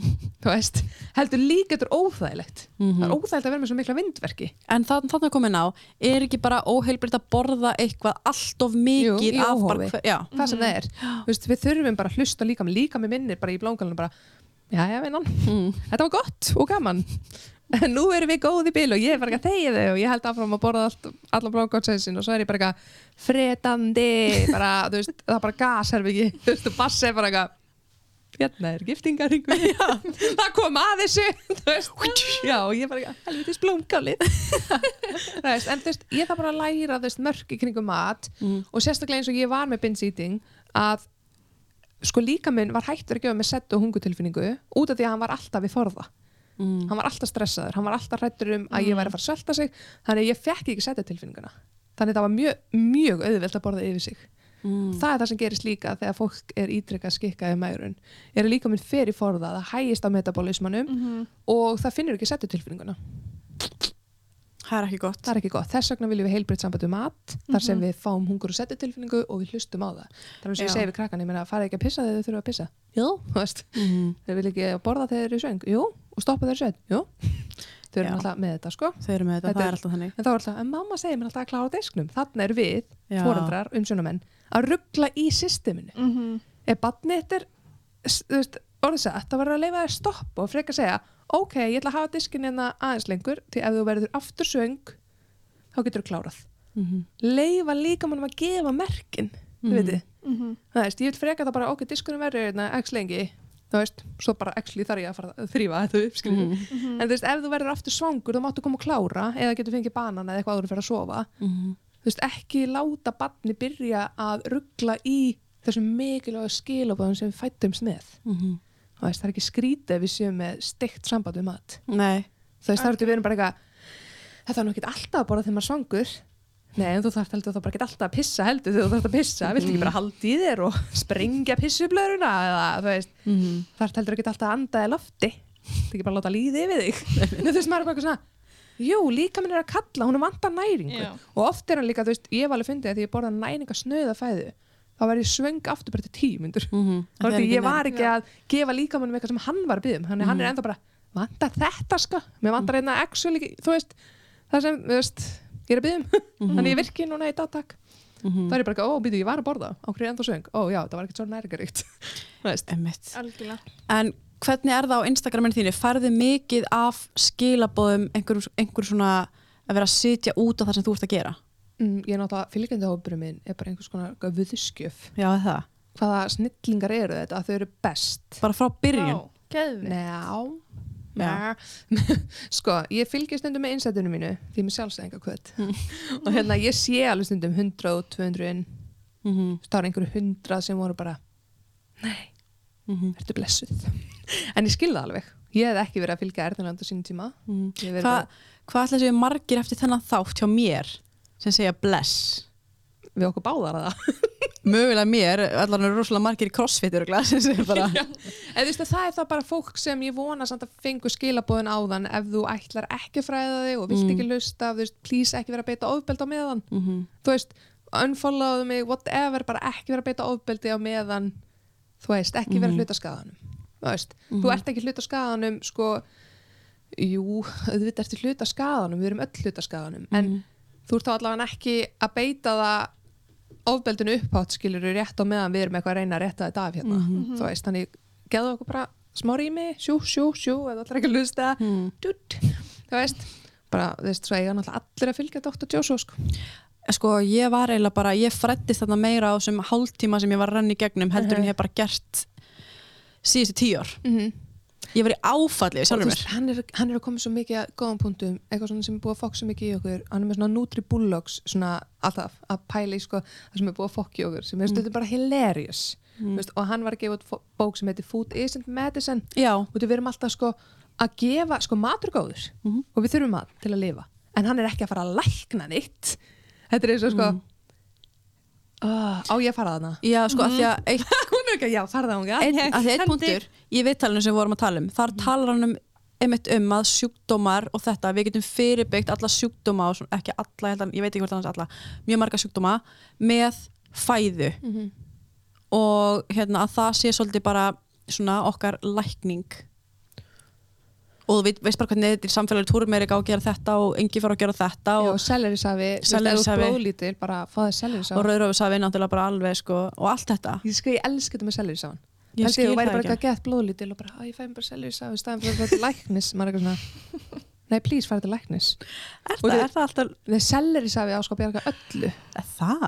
bólum, blóð, blóðleysi uh, nýrónu þínum maður er bara, Selleri safi eða selleri líka? selleri þú veist, selleri er alveg með fullt af einhverju góðu steinefna dæmi sem er gott fyrir okkur Mhm.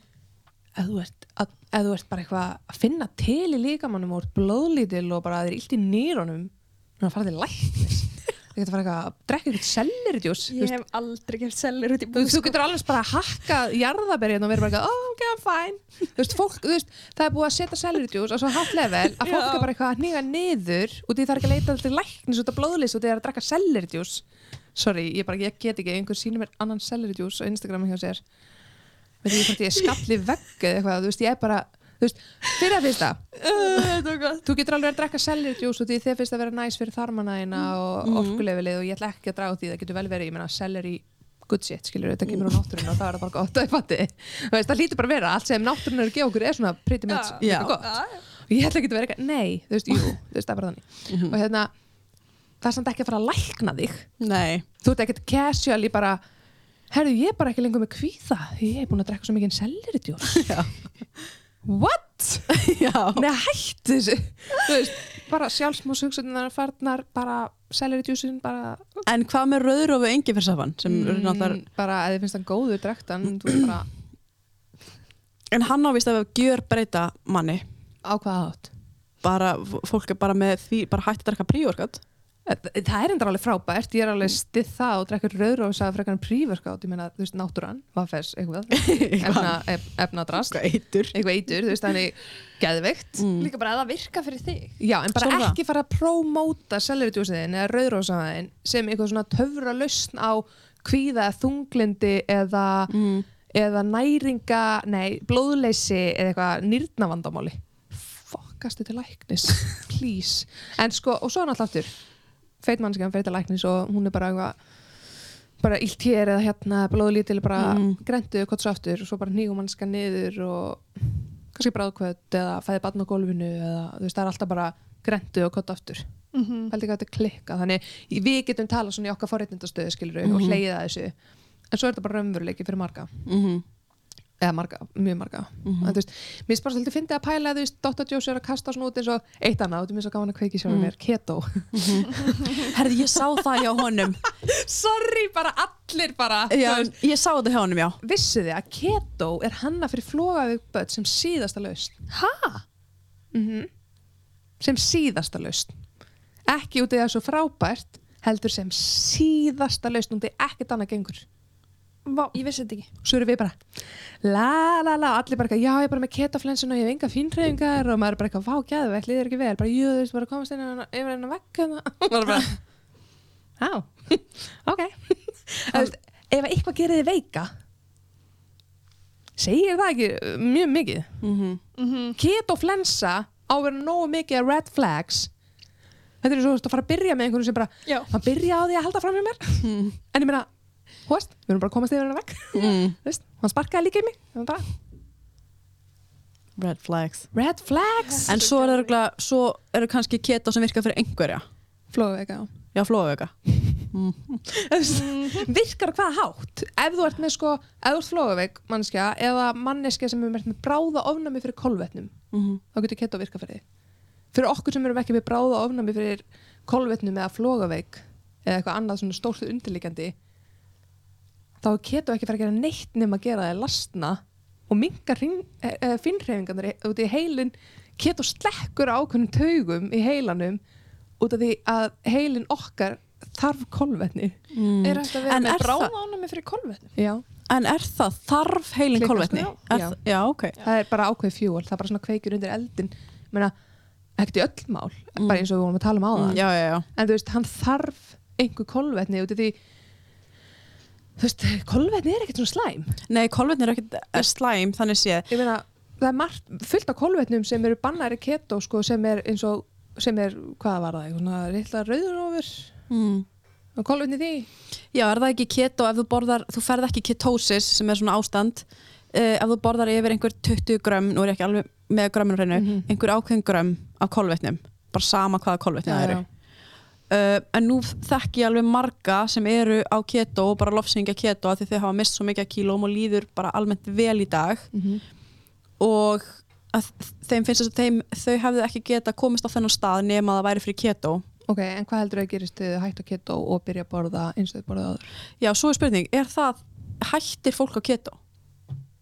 ég efast um að margir meika vera á keto Mhm. nema þið þurfið þess út af því að það dregur svo ógislega mikið úr öllu hjá þér Mm. finnhreyfingum En það að vera að tala um að þú breytir því að þú notar ork, orkan, þú notar orku út frá sigri og kolvetnum og allt þetta. Ok, en þú farir í eitthvað svona ástand ketosis þannig að þú ferð að nota fytuna sem orkuna þína.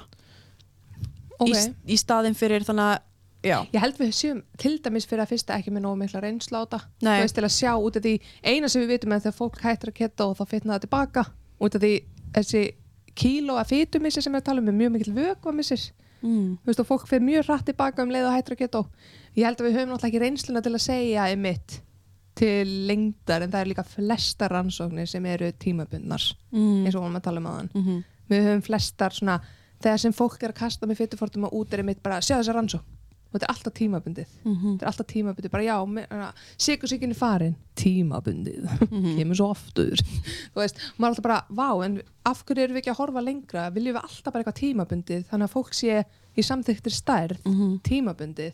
Fitna svo tilbaka, tvöfald metabólismin í fokki en tímabundið var það næs en þannig að, að þessi læknir sem er menta á læknir og hérna næringafræðingur Mhm. hann talar um að, að hérna, keto hafi verið svona hannað fyrir flóavika. Já, og hann talar um þetta sko unless hann er með keto-vídeó hann sko og hann talar um bara veist, ef þið langar að vera lasin með slappa finnreifingar, bara go ahead skilur þetta er ekki að fara að gera neitt annað fyrir þetta er ekki að fara að gera þig heilbreðari Hann sagði þetta. uh ok þess vegna finnst mér mjög gaman að fylgjast með hann og þú veist, hann er líka að kenna mér, veist, ég veit ekki hversu oft keto er læðst upp á mér Mm út af því, þú veist, það er allir þetta ásam þetta, ég meina keto var fyrir það fyrsta ekki hluta en einu heilbrið, það var bara einhver laust fyrir flógavegg börn til þess að fungera í flógi eða Mm. flógi, eða flógi, eh? Í, í flógaköstum já. þannig að þetta átt að draga úr flógaköstum og svo er þetta bara sett upp út í fólk grennist á þessu auðvitað er þetta að það var lofsama því ef að fólk grennist á einhverju þá er það lofsama Mhm. ég meina það var, það var eins og ég lægi að fara út í apotek og kaupa amfetamin til að grennast. Mm já, og það var bara fullkomlega eðlilegt að allir myndu kaupa amfetamin þótt að það væri að skada heilastarsemina þína og draga úr líkamsgetunniðinni Mhm. en þú grendist fæn, líka fólk byrja að reykja var það ekki? Já, til að grennast. Já. og það var líka, veist ég ætla ekki að kveiki með nánarvandi keto en mér fannst bara mjög áhugavert að pæla í því að þegar eitthvað er sett svona upp og Mhm. síðan sett upp um, til þess að grennast hvaða verður allt í hennu gett heilbreykt Mhm. bara út í því að maður grennist að því. En svo þeir sem hætta á keto fitna aftur í sitt eðlilega form 90% líkur tilbaka. Mhm. þú veist þannig að nota þetta sem einhverja laust til að komast á einhvern stað og ætla síðan eitthvað að halda áfram. Metabólismin verður bara hello, this is a- halló, ding ding, what the fuck? Mhm. what the fuck, what the fuck, ok, ég ætla að forða ég ætla að forða því, þú veist, nú er ég bara stressaður sko, bara búin að setja mig í vörn bara alla bjöllur upp. Mhm. svo er þetta bara, akkur er ég fitna tilbaka, ég skildi ekki. Bíddu, akkur er ég fitna tvöfald tilbaka, ég skil ekki. Metabólismin, vörn, líka minn er bara í paniki Mhm. þú veist, en hættir fólk að keto? Kannski bara einhverju keto og forever, skilur Já, ég veit ekki, við erum ekki meira einsluna Nei, ef, ef, ef þeim líður vel, ef þau viðkynna og believe me, ég er ekki eitthvað, þú veist, ekki leita til mér út af nei. keto, þú Nei. veist mér er alveg saman hvað þú ert að gera. Mm bara eina sem ég seti spurningamarki við hvað er að prómóta fyrir aðra samt? -hmm. þú veist, keto sé bara best fyrir alla.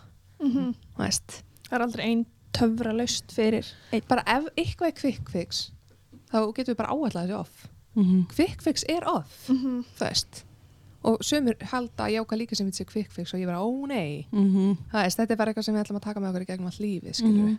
það veist, þetta er ekkert eitthvað svona á einni nóttu ert þú bara komið jákað líka sem til hamingi, einni stimpillin Mhm. þess að það er alltaf að segja okkur með diet culture, skilur við farin að sleikja og þú missir alla matalistina þú veist, af hverju ætti ég að vilja missa matalistina Mhm. Sko matur er góður. Já, þú veist, af hverju af hverju þetta auðlýst þetta Kim Kardashian? Þú veist, með stæðista fylgi í öllum heiminum og samfélagsmiðlum og þú ert að segja okkur að fá okkur einhvern sleikju til að vera mjó. Mhm. Kannski fær hún margar, margar miljónir fyrir það. Bókað.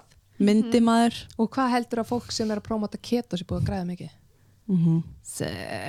Mynduru promóta keto fyrir 300 miljónir Sko, ég væri á fimm Tesla minna fyrir utan ef ég væri ekki að hafna öllu sem er búið Er það? mm -hmm. Hvað er þá verið að bjóða þér að Já, Hvað er er- verið að bjóða svo- einhver, einhver vítamin sem er að sefa sigur löngun og alls konar töflur sem eiga að draga úr bloated drasli og krem sem er að taka appisinu húð og já, já, því líkar upp að sko. Ég alveg Ég væri ekkert eitthvað að reyna að sækja um atvinnuleysi spætur einni meðu COVID ef ég væri bara að taka við öllum verkefnum sko. mm. Þannig, Vá. þær geta alveg sagt nei ef þeim actually er átt um mannkynnið sko. og það er eiga nógu anskoti mikið pening fyrir Segði það hvað þarf þetta að bæta ykkur 300 miljónum við hinar 300 miljónum þú veist og ég er bara eitthvað segja nei við pening sem er að borga húsið mitt og fæða badni mitt skilur mm. Út af því að þú veist ég er ekki að fara að vera hluti af vandamálinu Mm Vel fyrir einhverja peninga. Og þú veist believe me, ég er búin að vera námsmaður allt mitt líf. Og þú veist ég hef oft þurft að krass, þú veist, krafs í bakkan bara hrista baukinu á badninu, skilur við mm. svo bara fæ ég bara e-mail bara lalala, koma í samstarf? Við erum með budget fyrir þetta samstarf þessa herrferð, da, da, da, da, da, bara peningu sem hefur bara lífsnöðsynlegu fyrir mig þannig þau eru ekki að ringja mömmu, bara, hefur inn á mig?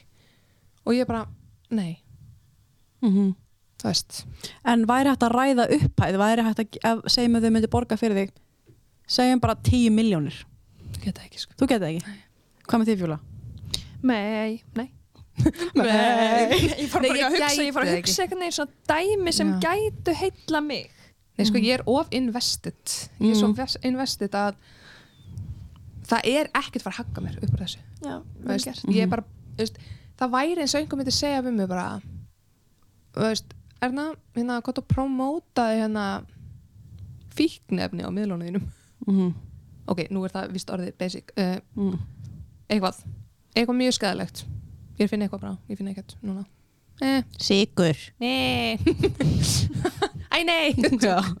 En hérna, ok, bara eitthvað svona hræðilegt bara, þú veist, nennir að koma að promóta bara einelti og bara sína Mhm. einelti og ég væri bara, hvað fæði mikið pening? 300 miljónir, þú veist, Já, ok. er fyrir mér er það alveg þar. Já, já, veist, ég gæti aldrei farað ánga, það væri engin uppæð þú veist, Mhm. samt að vera uppæð þú veist, sem gæti bara keft mansion út í bandaríkjunum þá þyrfti ég líka bara að flytja þanga og bara fyrir ekki Íslandingar, ég Mhm. elska ykkur samt. Mm Þú veist, ég gæti það bara ekki, þú veist, ég er bara dedicated skilur, Fallet hjarta. Ég ætla að koma þessi mentakjörðu sko. -hmm. Jæja Lilja Alfreðsdóttir, það hlusta Ef þú ert að hlusta. þá er það mission Já, ég meina það er bara auðvitað. Já. Það er nöðsynlegt. bara, absolutt, og ég vona að flestir sem fá þessar uppæðir til að promóta eitthvað fett loss drast, Mm. please hugsið lengra en um penninga ég veit að það er óslega erfitt og believe me, ég veit það þú veist, sem námsmaður og eitthvað þú veist, ég hef oft vilja segja já Mhm. Mm en bara ekki geta það bara út af þú veist það bara ekki þessu verði Nei, klálega. mm -hmm. Já, eigum við að hérna, þetta er búið að vera, ég er búið að vera fáránlega fróðlegt. Já, bara galið. Ég er eiginlega búin að vera bara frekar hljóðlaus bara að hlusta. Æ, það er samt í alvörinu bara. Ég, ég vona sko að þeir sem eru í vörð núna og hrista hausin yfir mér og ætla að finna á heima og eitthvað. Þú veist, ég er samt með tolerance sko Mm. þú veist, þið megið senda mér og ég get hjálpa ykkur að því, ég get senda ykkur rannsóknir og pælingar og Mhm. allt um health at every size, þú veist, ég nenni því og ég er tilbúin að hjálpa ykkur Mm. þú veist, ég er ekki að fara að vera eitthvað hvað er að þér ég var aðna líka og þótt að ég var pyrröð á köflum núna eða það bara ég veit af manneskjum sem þykir ógísla væntum sem eru bara í niðurbróti alla daga og ég get fara að græni núna að tala það Mhm. Og þetta er svo vond, maður er bara að horfa á manneskjur sem maður elskar, það er bara að sparka í þar allan daginn. Mm og, þú veist, og það er ástæðan fyrir að pyrringurum minn brýst út. Algjörlega. Er þetta því að þegar ég drullaðist til að fræða mig og gera betur sjálf þá er ég orðin, byrja að sjá þetta líka bara svo ógislega stert allstar í kringum okkur. Og ég bara, uh, sorry, ég er að fara að gráta sko. Já, veist bara- í læg Þetta er mannréttindi þetta eru mannréttindi. -hmm. og við erum bara eigum að gera betur, þú veist, viljum við vera að beita fólk ofbeldi í alvöru? Það er smá eins og við séum ekki, sko, við erum eiginlega á sama stað í fordómum og bara, þú veist, við erum ekki að taka það miklu, ekki það miklu sjáanlegum framförum. Nei, því miður. Og svo koma inn á milli með eitthvað svona og, og það er bara viðkjönt og það er engin stormur út af því, skilur Mm, og það er látið viðgangast svolítið. Þú veist, það er ennþá fytu brandarar í grunnskólum, það er Já. ennþá. og mm góða frænka líka, að finna á frænka þú veist, það er bara svo ekkert sé eðlilegra en að sparka í líkjandi fólk Mm -hmm. þetta er bara að klika sko. Og það þarf ekki að hrist upp í neinum. Nei. nema bara með jákvæðum hætti og þá Mhm. öllum, ekkert bara einhvernum ákveðnum hóp Mm -hmm. spældi ég að hann hefði sagt þetta við fallafólk Mm getið ímyndað eitthvað stormin sem var í samfélaginu Mhm. Þú veist, jaðarsettir hópu líka -hmm. Þetta er líka jaðarsettir hópur og það er bara viðukent ofbeldi Mm klika sko það var geggja að við myndum klára vídeo eða Joshua Já, við verðum eiginlega að sína hérna vídjóið. Ertu með það? Ég er bara aldrei verið á spennt sko When I tell people that I'm a doctor that follows a health at every size approach, many assume that means I don't believe weight can have any impact on your health. That's not what it means. Healthcare tends to follow what's known as a weight normative approach, where a focus on weight and weight loss is used to try and define health and well being. I, however, believe in a weight inclusive approach. This means we should be acknowledging the real impacts of weight stigma and be fighting to get rid of it. Acknowledging that health and well being is incredibly multifaceted and the link between health and weight is nowhere near as straightforward as people make it out to be. And we should stop indiscriminately advising weight loss to our patients when we have no guarantee that it's going to A, improve their health, or B, be sustainable in the long term. I hope that gives you a little insight as to what health at every size actually means. Mm-hmm. Ég mæli svo mikið með Ég mæli, getur við fengið þarna Instagram nafni hans á skjáin? Ég er búin að prófmáta hann svo mikið Ég ætti að fara að fá laun sko. Já, ándjöks, ég hérna, ég var alveg bara svona, þetta, ég var alveg með á þeirri skoðun hérna með bara fytu fordum og allt þetta og held ég væri bara alveg, en eftir að hafa rúlaði gegnum Instagram með hans, þá var, fekk ég bara ennþá víðar bara bara svona ok, Ég veit ég skil. Mhm, Þetta er bara Maður fær alveg bara svona Þú veist, út í sumt þarf líka bara að vera sagt af hvítum forréttinda kallmanni hann við lustum Lækni, næringafræðingur, hann veit hvað syngur, Ég er að fylgja annari, hún heiti Dr. Natasja og hún er feit kona það hefði enginn hlustað hefði við sett hann á þau mm, þótt hún sér það er læknir sorglegt Það er sorgleg það er bara allt staðreynd. öðru sig, þannig ég nota Dr. Joseph meira út af því að fólk hlustar á hann Mhm. það er líka að klikka Þetta er blákaldi veruleikurinn, sko. það er bara, þetta er bila sko, hann er hugsa um okkar gang Mhm. gerum betur Gerum betur. Mhm. hvort annað. það er bara svo leis Mm takk æðislega fyrir að koma takk fyrir að fá Ég mér er- alvöru amazed Ég líka. og ég hveti ykkur til að fá Töru Margreti í viðtal Við Töru. Margréti? já, hún er hérna yfir líkansvílingasamtökunum Ok. ef þið viljið fá alvöru fróðuleik sko, þá fáið hana mm hún er geggjöð bara takk æðislega fyrir að koma Já, takk fyrir. takk